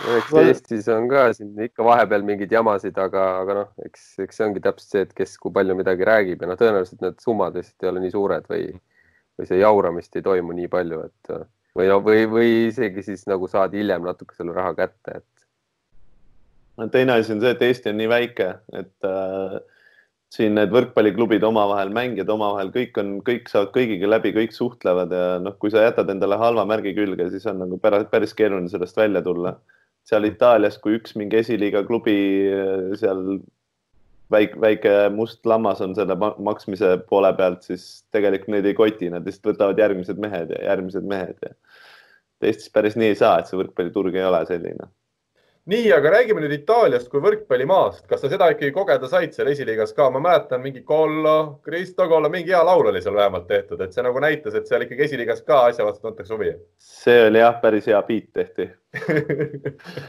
aga ei, tegelikult mulle Itaalia, Itaalia see esiliiga, isegi liigana meeldis võib-olla kõige rohkem siiamaani. et seal see meedia huvi, publiku huvi äh.... oligi meedia huvi ja see oli iga, pärast igat mängu oli konkreetselt kaameraga, andsid intervjuud ja. see oli siis telemängud olid kõikidest äh, teist, teie mängudest või? Äh, tele, no Itaalias on oma see leht, kus nagu kõikidest mängudest on niikuinii ülekanne, aga otseselt nagu teleülekannet äh, seda ma ei, ma ei tea, ma ei usu, ma arvan, et nad kõik kasutavad seda rahvusvahelist, seda Itaalia lehte. okei okay aga lihtsalt see, seal oli igal mängul oli kohustuslik see videotšekk, äh, noh, saalid olid alati rahvast täis. Äh, siis meil seal, kuna meie see äh, Cuneo see maakond või ma ei tea, kuidas seda kutsuti seal, seal oli, meil läks kõige paremini, siis meie need itaallased käisid seal üle nädala, käisid mingis kohalikus ma ei tea, spordisaates või, või mingis niisugust diskussioonisaates et seal nagu näidati hästi palju huvi üles ja samamoodi linnapildis Mondovi oli kakskümmend viis tuhat, kui ma ei eksi, elanikku, et seal tuldi ikka, teretati ja see melu oli nagu lahe, jah. mul tekkis, Krista, praegu üks väga oluline eluline küsimus, kui sa mõtled itaallasi, nad räägivad pool juttu ära ju kätega, et kui nad läksid raadiosaatesse, et kas sa kujutad ette, kuidas nad üldse hakkama said seal? ma ausalt öeldes ise ei vaadanud kordagi ühtegi seda saadet aga ma ei tea, mina ei täheldanud seda käte, kätevibutust, eks endal jäi ka see lõpuks külge, kui ma sealt ära tulin. mis asja sa räägid, mis sa räägid? aga ei, tegelikult see asi ei ole nii hull. kuidas itaallased inimestena on? no meil oli seal kõva keelebarjäär võistkonnas, et äh, ma arvan, et seal üks seitsekümmend protsenti mängijatest kas ei julgenud rääkida või, või ei rääkinud üldse. et seal oli üks üks kolm-neli meest, kellega me siis, mina ja Treial siis regulaarsemalt su suhtlesime. ülejäänud olid nagu rohkem tagaplaanil, aga itaallasi, noh, meil võistkonnas oli, oligi kahte sorti, ühed olid siuksed eriti heatahtlikud, südamlikud ja ausad ja teised olid need, kes näitasid, et on heatahtlikud, südamlikud ja ausad ja siis tegelikult ei ole. Aga kas, kas teie siis itaalia keele mingid põhiasjad saite selgeks, et te võrkpallitrennis saite aru või?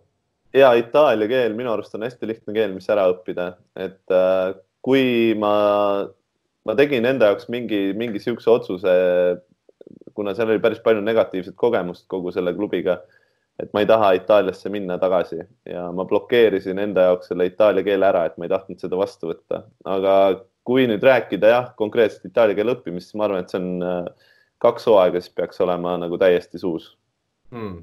selge nii, aga nüüd me tuleme siis lõppenud hooaja juurde, millest me saadet alustasime. Galatiga Rumeenia meistriks sa tulid. Vist, kui ma ei eksi, siis ainus Eesti võrkpallur, kes lõppenud hooajal ikkagi sai medali kaela. kas medal on kohale jõudnud või? ei ole. ja ei tule ka või? ei, ma tahaks loota ikka, et tuleb, seal oli äh, väike viivitus oli sellega seoses, et äh, klubi president pidi allkirjastama föderatsiooni paberid, et äh, kinnitada mingi hooaeg lõppenuks, ühesõnaga klubi president on kuuskümmend pluss äkki vana ja ta oli niisugune koroona selles ohutsoonis nii-öelda riskigrupis. ja siis ta lukustas ennast majja seal kuuks ajaks, et ta ei saanud neid pabereid allkirjastada, aga eile vist oli, oli see ära tehtud jah, et äh, ma loodan, et see medal ka jõuab. oli see kuidagi mingisugune väärtus ka sellel medalil, et kui see hooaeg niigi jäi poolikuks, et siis vähemalt saad mingi autasu kätte või? Kindlasti ja, sest äh, nagu ma ühes intervjuus ütlesin, et äh, Rumeenias on see süsteem, mängitakse natuke teistmoodi välja, et seal on iga mäng on äh, lõpuks loeb, et see on nagu nii-öelda jalgpallisüsteem mm, -hmm. seal ei ole sellist, sellist kui play-off'i seal ei ole. ja tolleks hetkeks me olime, esiteks me olime kümme punkti teisest kohast ees äh,. Äh, ja siis äh, terve hooaja peale me ei olnud kaotanud mitte ühtegi mängu kodus ja oligi üks kaotus ainult Bukarestile võõrsil. et minu arust see oli nagu õigustatud otsus nii liiga poolt kui ka, kui ka nagu meie seisukohast. et me olime terve, terve hooaeg nagu ennast sellist, sellest küljest näidanud, et äh, me oleme seda väärt ja, ja noh, minu arust käituti õigesti, jah. palju mänge veel lõpuni oleks olnud põhiturniiril? no meil oligi viimane mäng oli sellesama, selle Krajovaga, kes oli teisel kohal ja me võitsime neid kolm-null kodus tühjade tribüünide ees ja siis pärast seda meil oleks olnud üks, kaks, neli, üheksa mängu või?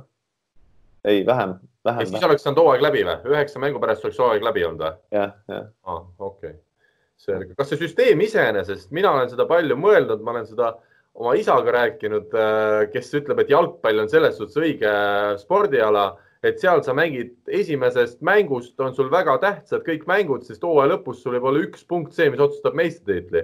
kui me vaatame täna võrkpalli põhiturniiri, ma olen seda ka päris ausalt välja öelnud, et minu jaoks, kes ma ei ole ühegi võistkonnaga otseselt seotud, on täiesti suva kokkuvõttes, kas Tallinna Selver võidab Tartut seal oktoobrikuus kolm-null või kaotab kaks-kolm, sest kokkuvõttes kõik, mis selgub, on ju kevadel kas äh, selline süsteem Rumeeniasse ka motiveeris mängijaid ikkagi rohkem terve hooaja pingutama? absoluutselt, et äh, minu jaoks oli see ka uus kogemus ja väga-väga huvitav kogemus.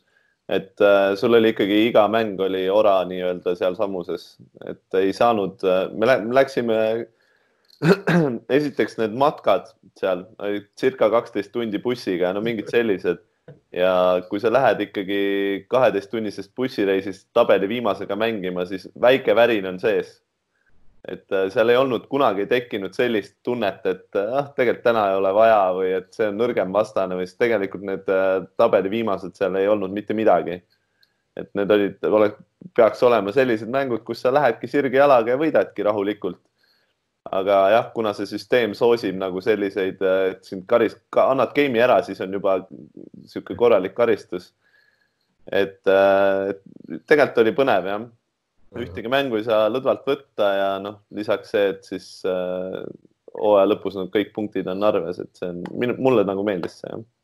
et eks see niisugune süsteem natukene lihtsalt äh, võib-olla on äh noh, raskem nendele, kellel on siis mängivad kõrvalt teisi liigasid, noh, teie samal moodi vist mängisite ju vaata, et äh.... kellel seal järsku tuleb ju palju mänge tuleb korraga, et siis, siis noh, nagu natukene annab eelise nendele keskmikele või, või ütleme nendele, kes, kellel on hea võistkond, on seal võib-olla kolmas-neljas, aga, aga nemad ei mängi muid mänge, saavad keskenduda ainult siis.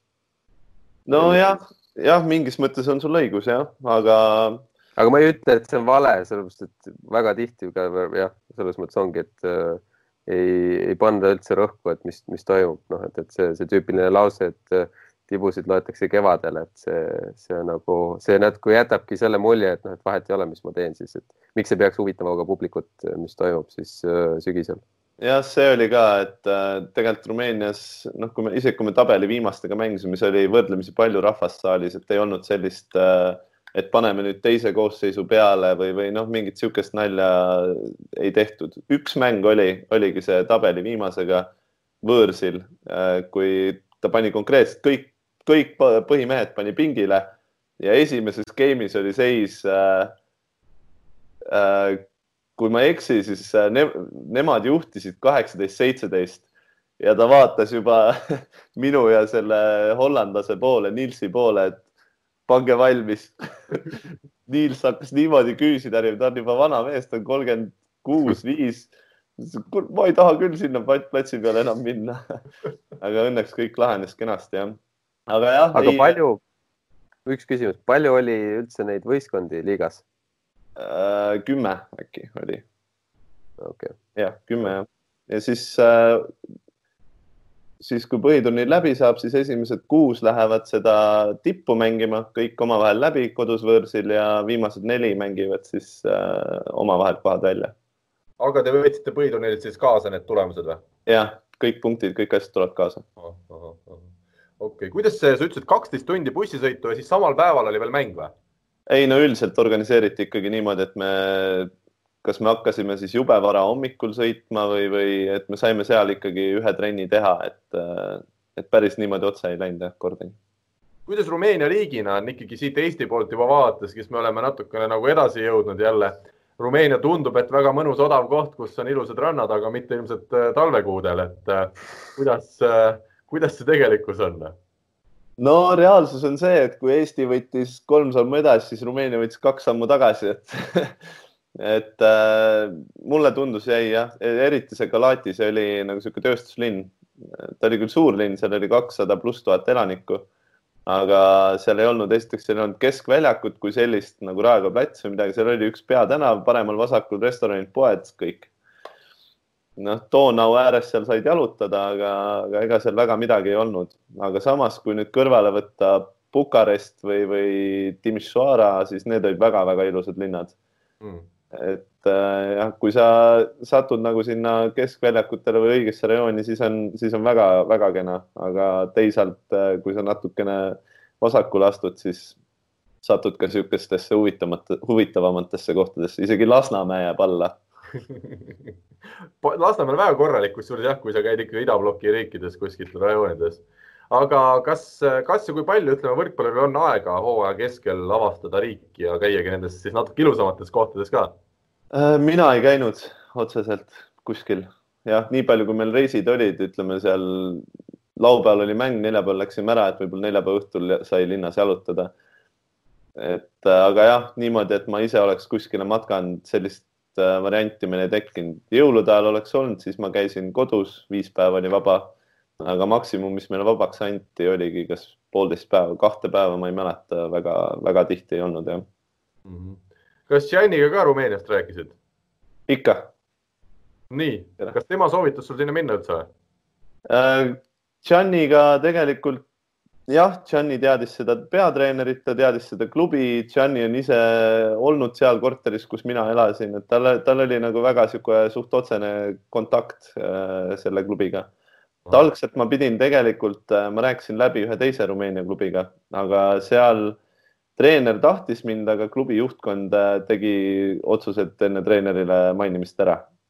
ja nii kui too klubi, too klubi ära kukkus, siis äh, tuli päevapealt see Galati ja, ja tegelikult jumal tänatud, et niimoodi läks, sest nüüd paar nädalat tagasi tuli välja, et see Salau on omadega väga-väga rabas, et seal on veebruarikuust palgad maksmata ja noh, ühesõnaga väga-väga suured probleemid, et ilmselt see klubi läheb kinni see Andrese sõber Sauli Sinkonen mängis seal. just tahtsin küsida, et peab vist küsima üle, et kuidas tal läheb, et ma olen näinud küll, et ta on Soomes tagasi, aga. ja me tulime, me tulime Sauliga koos samal päeval okay.. erinevad emotsioonid, üks on põhimõtteliselt meistriks tulnud ja, ja rahad käes ja teine on sedasi hea, et sai veel lennupiletid tagasi jah, et Sauli oli sihuke, pigem ta oli positiivne, et ta ära sai sealt, et ta ütles ka, et seal on rahaprobleemid ja ei tea, kas üldse midagi saab, et siis ta tegi nagu enda jaoks siukse lihtsama otsuse, et seni, kuni veel lastakse minema sealt okay.. aga kokkuvõttes oli siis ja Andres. üks küsimus veel, et äh, siin Rivo vist mingi hetk mainis korraks, et äh, selle, et ta, ta vist natuke kahtles selle Rumeenia liiga nagu kohta, et äh, noh, minu jaoks noh, nii palju, kui mul tuttavaid on olnud seal või et siis on räägitud küll nagu sellest, et noh, kõvad mehed on ja, ja tase on nagu viimaste aastatega kõvasti paremaks läinud, et et kas sa saad nagu selle koha pealt midagi öelda või võrrelda mõne teise liigaga ähm,? noh, ma mõne teise liigaga. no kui me siin soomlasi Savot võitsime kolm-null, kolm-null, Galatasaray'ga mängisime seal kolm-null, kodus kolm-kaks. et noh ma ei tahaks öelda, et nüüd Türgiga siin mingeid paralleele tõmmata, aga kui nagu konkreetselt meie võistkonda rääk-, meie võistkonnast rääkida, siis esiteks meil oli väga rahvusvaheline koosseis seal ja teiseks äh, kui sa võtad nagu ükshaaval need nimed ette, Guillermo Hernan, Euroopa meister, kahekordne CEF-karika võitja, Niels Klappik, Hollandi koondise diagonaalründaja, et seal neid nimesid oli kõva, rohkem kui veel. Ja kui nüüd üldisest tasemest rääkida, siis äh, neli klubi on sellised äh, arvestatavad mis nagu alla selle jääb, äh, võivad seal kaks tükki võivad veel üllatada, aga ülejäänud on siis nagu ma rääkisin, see sirgjala lugu mm. -hmm. et jah, seal on hästi palju välismaalasi, et elad, elatakse nagu selle peal. ja ma ei teagi, kui nüüd üks-ühele panna mingi, mingi liigaga? Mm see on väga hea küsimus, ma ei, ma ei ole ja, kunagi hea, hea võrdleja olnud või, või et ei tea jah. ja tegelikult ega seda, ma ei tahtnudki täpselt äh, lihtsalt üleüldiselt, et, et ta on ikkagi Euroopa sihuke ikka tugevama poole peal, et ei noh, selles mõttes on, on, on teada, et, et noh, siin, siin see võrdlused on iga kord nagu tavaliselt päris paljudes liigades on üks-kaks head, head nagu võistkonda ja siis, siis kipuvad need hakkama seal kehvaks minema, et et ja. nii on näiteks ka need Slovakkiad ja, ja, ja Tšehhid ja kõik siuksed, et seal võib olla üks-kaks head võistkonda, aga siis juba tuleb nagu kehvemad ja lõpuosa on suht siuksed, noh, ei ole midagi erilist. ja ma arvangi, et kui siin nagu kõige realistlikum mingi võr võrdlusjoon tõmmata, siis äkki olekski Belgia või, või midagi sellist. Et äh, noh, seal on ka Belgias on see Roselaare ja, ja Maaseik on siuksed teistest kõvasti üle, et, et siis tulevad need äh, kus see Markus mängis seal Alstid ja asjad. pigem jah, võib-olla sellega siis saaks võrrelda äkki. okei okay., kui me nüüd sellest Rumeenia liigast veel räägime, kas võib-olla õige see arusaam, et, et ütleme, et ta võib-olla ei ole turundatud nii hästi, et kui me siit Eestist vaatame kasvõi seda kodulehte, mis Rumeenia liigal on, siis tundub noh, et see on võib-olla selline rahvaliiga C-divisjon, et üks vend seda aastas paar korda nagu täiendab, aga et, et võib-olla see kuvand lihtsalt ei ole siis nii hea või? nii on jah, et äh, seal see jällegi see meediahuvi tegelikult on päris suur. Äh, kui sa seal neid ajalehti, siis võrkpall on nagu alati kajastatud. Äh, teine asi on see, et kui sa noh, Nielsi koha pealt on see hea näide, et Nielsi vanemad küsisid, et kus sa siis järgmine aasta mängima lähed, Niels ütles Rumeeniasse no siis mõlemad vanemad hoidsid kahe käega peast kinni, mis asja, Rumeeniasse. et ilmselt see, see on nagu sihuke inimese sihuke alalhoiu mingi instinkt võib-olla, et Rumeenia ongi nagu nii kehv ja halb, aga tegelikult äh, jah, reaalsus ei ole päris selline. Et ma veel äh, täiesti täiustan nii palju, et sa ütlesid siin, et äh, Galatasaray kolm-null, kolm-kaks, et see oli siis Galatasaray pool, et kui Savot te võitsite, eks ole, kahel korral ja, ja pääsite CEF-is edasi, siis Galatasaray'le kaotasite kokkuvõttes mõlemad mängud, eks ole. jah, noh, teises seal kodumängus meil olid, olid päris head võimalused, aga, aga paraku läks nii jah mida te Oliveriga rääkisite enne mängu, kas leppisite kokku ka, et kumb edasi läheb ja, ja kuidas, kuidas plokis on, kui üksteise vastu satute või, või te äh, nii palju ei jõudnud rääkida? Ma küsisin, mis õhtul teeme aga tegelikult oli ju nurgas, eks ole, sina olid nurgas äh, täitsa Oliveril ju vastas, kui ta kahe ja ühe pealt ründas. jah, oli tema mul vastas ja olin mina tal vastas, et äh, aga me vist, ma ei, ma ei mäleta nüüd, kas ta mulle äkki ühe ploki pani vist. aga niimoodi ei löö jah, et mis, mis need, kuidas need omavahelised need seisud jäid seal. ässa ta lõi küll mulle, sellega, sellepärast ma pahandasin ka taga, ütles, et tegelikult sa ei tahtnud ju sinna servida, ütles, et ei tahtnud jah. kas on ikkagi nii, mina mõtlesin, et minul juhtub sedasi, et äh, ühest äärest teise ja et need servid ei lähe alati sinna, kus nad peavad minema, aga juhtub ka Oliver Vennal ikkagi jah eks ikka kõigil juhtub, kui sa, eriti kui sa kõvasti servima lähed, ega sa ei kontrolli väga okei okay., aga Oliver kuidagi sind sedasi äh, pärast seda servi või pärast seda plokipunkti kuidagi vaatas otsa ka või ta on viisakas mees? ei, ei, meil, meil oli see läbisaamine oli okei okay seal platsi peal.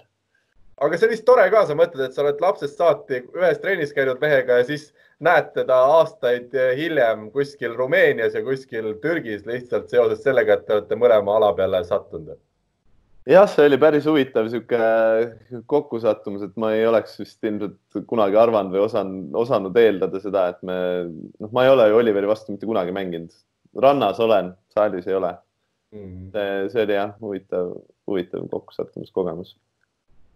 no aga räägime siis tulevikust ka, kas sul on täna juba mingid pakkumised laual? Äh, midagi konkreetset ei ole, eks see turuseis on praegult selline, nagu ta on, et äh, kes siin liigutavad, on poolakad, prantslased, äh, venelased, mingid väiksed Belgia, Hollandi klubid, aga, aga üldine niisugune suurem, suurem turupilt on ikkagi kinni veel.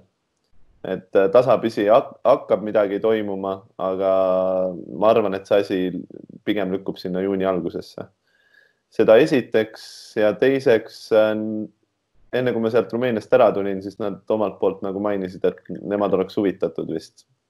et äh, kui midagi muud mitte, siis ma loodan, et äkki sinna tagasi. nii et Eestis sind kindlasti uuel ajal mängimas ei näe? ei välista. aga kui Eestis, siis ikka Tartus?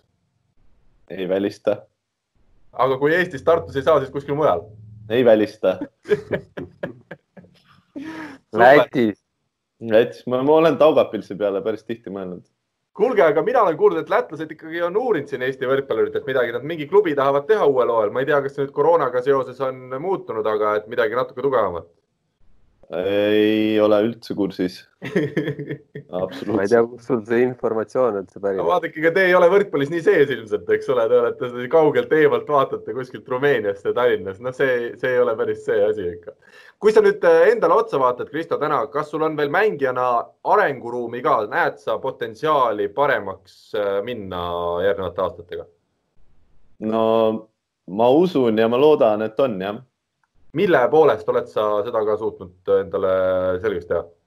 Äh, no esiteks see, mis me rääkisime enne, see kogemuste pagas, et võrkpall, võrkpalluri jaoks see mängutarkus on, noh, siin on küll ja veel on selliseid mängijaid, kes füüsiliselt millegagi silma ei paista, aga on lihtsalt nii osavad ja nii targad, et äh, et, et äh, ma arvan, et see on üks suur asi, mida, mida nagu parandada. teine asi on see mõtlemine, mõtlemine mm -hmm. füüsi-, füüsiliselt ma ei tea, kui palju siin veel juurde annab panna, eks midagi kindlasti, aga pigem ma arvan, on see mängutarkus jah mm. -hmm. kas sul on mingi selline unistus ka, et sa tahaks kuskil tugevamas liigas mängida, oled sa mõelnud sedasi? no kui nüüd jah, eks ma olen siin ikka igast, igast asju mõelnud, aga kui nüüd järgmist hooaega silmas pidada, et ma siin vaikselt loodan ja et äkki Poola või Prantsusmaa võiks olla nagu need kohad et ma jah, vaatame, mis siin saab. ma ütlen, Kristo, me veel paar äh, minutit räägime, ma vahepeal salvestan meie selle video ära, et, et see kaotsi ei läheks ja siis tuleme veel lühidalt ka koondise juurde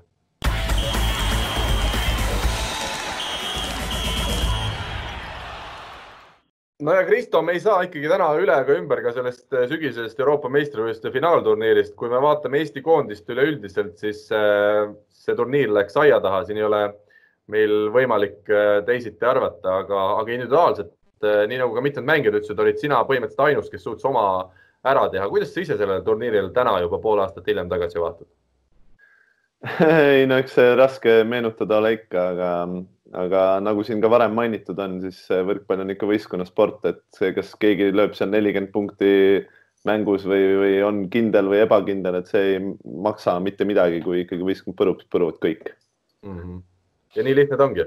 nii lihtne ongi, seal ei ole isegi mitte midagi muud arutada ma küsin sult nii, et äh, kes sinu jaoks Eesti koondises sellised suuremad äh, eeskujud on olnud, kuigi sa juba nii hilja jõudsid sinna, ütleme koondisesse, siis võib-olla sa olid juba ise ka piisavalt vana ja kogenud, aga, aga kellelt sina ütleme kõige rohkem õppinud oled, kes on sind üllatunud näiteks koondise perioodi ajal kõige rohkem? No eks need, kui sa nüüd küsid konkreetselt õppimise kohta, siis eks need kõige suurema jutuga mehed Gert ja Rait ole, et äh, nendelt, nendelt ma ilmselt olen kõige rohkem abi saanud ja ja samamoodi võib-olla Ardo Kreek, eks seal on iga, iga, igaüks, kellelt midagi õppida, no Ratsa töötahe ja, ja no kõik siuksed asjad, et äh, et siin on varemgi mainitud seda, et see punt on nagu käib nii ühte jalga, et äh, kui, kui kellelgi midagi öelda ei ole, siis kellelgi ikka on mm. -hmm ja see Raadiku töötahe siis on tõesti nii meeletu, et isegi teie, kes te seal teised olete ka tuntud kui jõusaali hundid, et isegi teie vaatate ja imestate või? ei noh, eks, eks meil kõigil ole see töötahe, aga noh, mingil hetkel ta ikka läheb läbi seina, kui vaja on ja no seisab võistkonna eest väljas ja no kõik siuksed üksikud väiksed nüansid, et me võime seal jõusaalis veeta kõige pikemalt aega, aga, aga see on, see on nagu midagi muud, et kui seda peab ise nägema ja tunnetama, et. okei okay et see, see ei tähenda, et raadikul see, et see ei ole jõusaalis, see pigem ma arvan, on ikkagi seal, seal platsil või, või treeningutes, et kui, kui sa näed nagu, kui inimene nagu läheb, noh, ta on nagu, ta on nii fokusseeritud enda asjadega, et kui tal midagi valesti läheb, kuidas ta ennast väljendab ja kõik see sihuke kompromissitu sihuke võitlus iseenda ja, ja, ja kõikide teiste eest, et, et ma arvan, sihuke pool just. No Michael Jordani dokumentaal seriaali on ilmselt väga paljud eestlased ja eriti spordisõbrad siin ka juba vaadanud. Ja, ja seal ju Michael ütles päris hästi, et tema elu kõige kõvem mäng oli ilmselt see, kui nad Barcelona olümpia kas siis ajal või eel omavahel trennis. Ameerika Ühendriikide siis koondised omavahel trennis, tema seal Magic Johnsoni vastu eelkõige läksid vastamisi, et sel, see oli ikkagi selline tase, kus olidki maailma kaksteist paremat mängijat ühel hetkel üksteisega seal vastamisi. kas Eesti koondises oli ka selliseid asju, et te ikkagi läksite treeningul päris, päris tõsiseks või, või oli see, tekkis selline konkureerimise hetki ka või?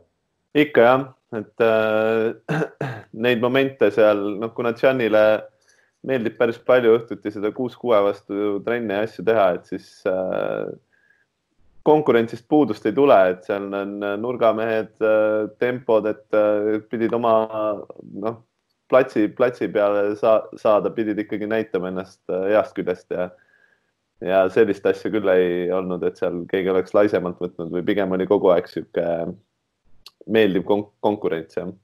kas omavahel selline sõna, sõnelus või nagu öeldakse, trash talk siin moodsate sõnadega inglise keeles, seda ka käib või?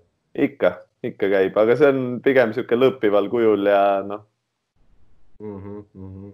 Okay. ja et sellega on vist see, et ega harva, kui keegi seal nagu väga närvi läheb, et võib-olla see on niisugune natuke ärritav ja, ja, ja nagu paneb pingutama, aga päris niisugust vist, niisugust ei ole olnud, et keegi nüüd tõsiselt nagu hakkaks nagu halvas mõttes või, või ebasportlikult, et et see just on niisugune koht, kus tegelikult natuke selekteeritakse ka välja, et kellel seal närve on, et kas trennide põhjal ikkagi selliste trennide, nagu sa räägid, põhjal pandi ka algkoosseis äh, paika, et äh, kui sa nägid, et näed, äh, Oliver oli eilses trennis oluliselt parem kui Rene, et siis oli ka eeldada, et tema on järgmisel päeval mängus algkoosseisus või pigem olid need valikud tehtud millegi muu kui nende viimaste trennide põhjal?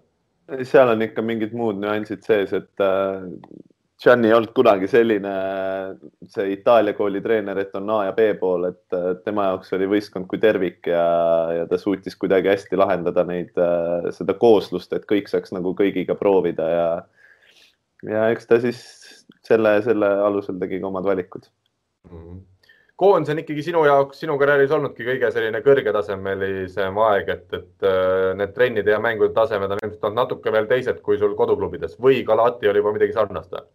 Jah, Galatiga võib siin üht-teist paralleele tõmmata, sest meil oli tegelikult kahe koosseisu jagu häid mängijaid, et äh, noh, nagu ma ütlesin, et see kooslus oli väga rahvusvaheline, kui ma ei eksi, siis meil oli üheksa välismaalast äkki. et ja kõik on, kusjuures koondise mängijad ei ole, ei ole nagu sellised, äh, et seal võib mingeid paralleele tõmmata, aga noh, kui sa ikkagi võtad siin koondise tasemel mehed, äh, Robbie, Ardo, Aganits, Teppan, noh, kes iganes võta üks ja viska teist, siis no eks see tase ole, ole natukene kõvem jah. oli see sulle endale ka natuke üllatuslik, et sa seal EM-il selliseks põhimeheks kujunesid, kuigi oli ju Martti Juhkami tagasi, Andrus Raadik oli meil koondises, noh, Robbie jaoks ilmselt algkoosseisu koht tänu tema tasemel oli niikuinii kindlustatud, et oli see väljakule pääsemine sulle endale ka natukene üllatuslik või see oli juba nii-öelda varasemate aastatega välja kujunenud nii või? Äh, pigem äh, mul oli, esiteks mul oli Gianniga üks äh, pikk jutuajamine äh, pärast seda äh, põrunud äh, Tallinna seda gold, gold, kuldse liiga seda finaali. Gianni tegi mulle mingid asjad seal selgeks, siis äh, üks teine asi augustis lisas nagu natukene enesekindlust, et, äh, et need asjad nagu juhtusid lihtsalt õigel hetkel minu jaoks, ma arvan. füüsiliselt ma olin niikuinii okeis vormis ja pigem oligi see, et äh, oma peas oli vaja lihtsalt mingid juhtmed ühendada. -hmm.. okei.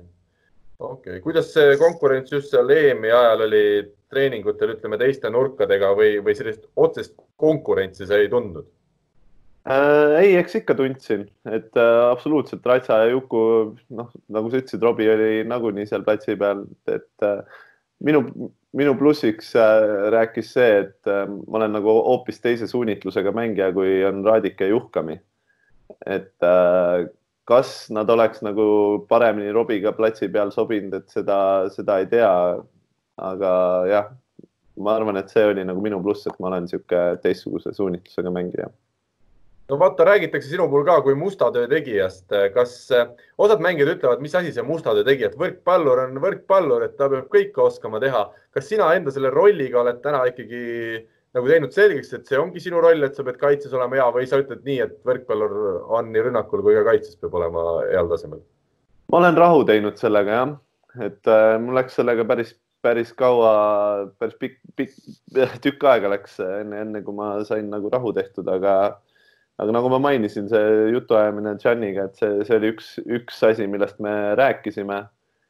ja, ja tolleks hetkeks jah, kuidagi ma suutsingi leppida sellega, et äh, tee oma asja, aga tee hästi ja vahet ei ole, kas sa saad seal kümme või kolmkümmend tõstet, ära eksi ja löö, kasuta ühesõnaga igat, igat olukorda võimalikult maksimaalselt ära ja mm -hmm. et, et äh, pigem ma olengi äh, nagu õppinud hindama nagu enda sellist äh, panust, et äh, noh, nagu ma ütlesin, siis Juhkami, Raadik ja Robbie on kõik teistsuguse suunitlusega mängijad, et võib-olla ongi puudust nagu sellistest mängijatest, kes nagu kontrolliks seda platsimängu mm. -hmm ole hea, selgita, kuidas, äh, mis teeb Robert Tähe eriliseks, mis on tema fenomen, et tema ikkagi Eesti koondises täna hoolimata sellest, et meil on ka rahvusvahelisel kõrgtasemel nurgaründajaid veel, on alati selge põhimees?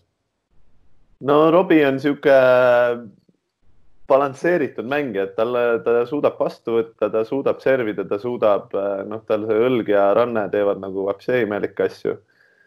et äh, tal, tal on nagu olemas, äh, on antud natuke rohkem kui teistele, jah. ja ta on selle vastu võtnud ilusti? jah selge. Äh, Andres, kas sinul veel koondise teemal mõni küsimus või teemapüstitus on äh, ette manada?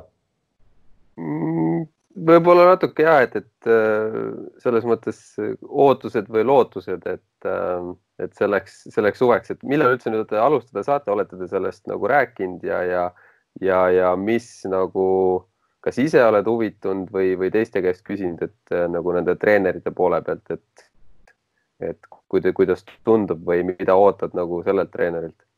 jah, äh, siis kui selgeks sai, et Cedric tuleb treeneriks, siis äh, ma kohe rääkisin Guillermoga, et Cedric ja Guillermo olid Toursis koos. ja siis ma Guillermo käest üht-teist nagu sain, et kuidas selle mehega käituda ja kuidas mitte. aga selle ma jätan enda plussiks, seda ma teistele ei avalda õige ja teine asi, et millal me alustame, no individuaalsed kavad, äh, jõusaali kavad siis saadetakse vist esimene juuli ja siis juuli, juuli keskpaigast või kuskilt sealtkandist peaks siis äh, kogunemine olema. ja aga ega rohkemat ei, ei oskagi siin kommenteerida, et kuidas need treenerid on või, või, või mis, mis saama hakkab, et eks seda näha ole et kas ootad nüüd pärast nüüd seda niisugust pikemat pausi nagu veel rohkem seda koondise aega või pigem mõtleksid selle peale, et ah, oleks suvi lõpuni ära ja läheks kuhugile klubisse? ma tahaks jõhkralt trenni teha, väga suur isu on.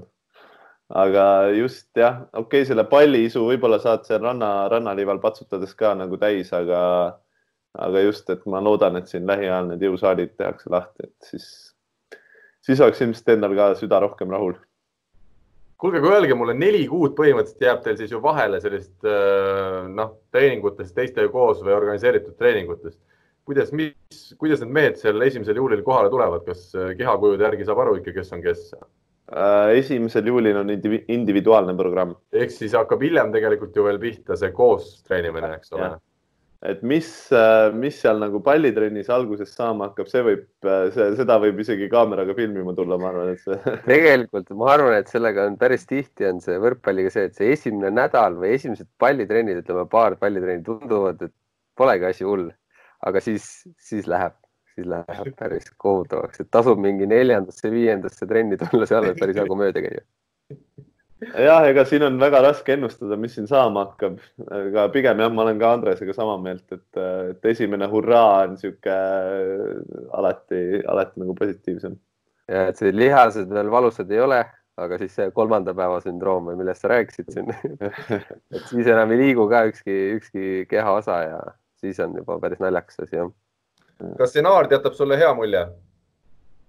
Äh, jah, ma olin, ta helistas mulle siin mingi aeg, tundus niisugune avatud ja sõbralik, äh, sõbralik mees olevat, et, äh, et kuidas, kui nüüd siia võrkpall vahele panna, et kuidas siis see koostöö hakkab mõjuma, eks see, seda näitab aeg. ja nüüd, kui, kui silmas pidada neid ootusi ja lootusi, mis siin saama hakkab, siis äh, selle koha pealt ma ei oska praegult vastata, et see aasta meil on planeeritud siin äh, mingid treeningmängud ka, et äh, ma arvan, et mingi pildi võib siis juba ette manada, aga, aga kindlasti mitte teha mingeid põhjapanevaid järeldusi siin äh, esimese poole kuu või kuu ajaga, et anname aega kõigile, nii mängijatele, treeneritele, staffile kui, kui ka, kui ka kõigile muule hästi, no Andres, äh, sina pead nüüd hakkama andma aega ikkagi koerale, ma saan aru, et see, et sa üksinda kuskil toas oled hakanud rääkima ja seda teed juba üle tunni aja, siis su koer ilmselt su vaimses tervises on hakanud natuke kahtlema, et saad nüüd kuidagi jalutama minna temaga. peab minema selge. Kristo, suur aitäh sulle nii, äh, nii ütleme mõnusalt rääkimast ja, ja ausalt kõigest sellest, mis on sinu karjääris olnud ja, ja loodetavasti palju ilusat ootab veel ees. jääme siis ootama seda äh, karjääri ikkagi viimaseid aastaid rannas, eelkõige kui te Oliveriga tagasi tulete. et ma usun, et see on Eesti võrkpallisõppedel kindlasti selline suur ootus, ootus, mis loodetavasti saab tõeks. ja, ja kõigile kuulajatele, nii, Andres. ma tahtsin siis, et ma loodan, et mu põlv ka korda saab, et siis proovime selle Järvekülje ka välja veel mängida ja siis katsume selle Eesti juunioride siis A, ei, mis see oli A-klassi siis karikavõistluste finaal, finaali siis uue korduse teha, et vaatame, mis kakskümmend aastat hiljem mina olen korraldamise enda peale võtma, kui te olete nõus sellises asjas kaasa lööma, nii et see, see lubadus jääb meile tulevikku. veel kord aitäh teile mõlemale taas osalemast ja kõigile kuulajatele-vaatajatele ütleme juba ilusat nädalat, nädala jätku. tšau. tšau. Eesti kõige põnevamad podcastid on Delfis, kuula tasku.delfi.ee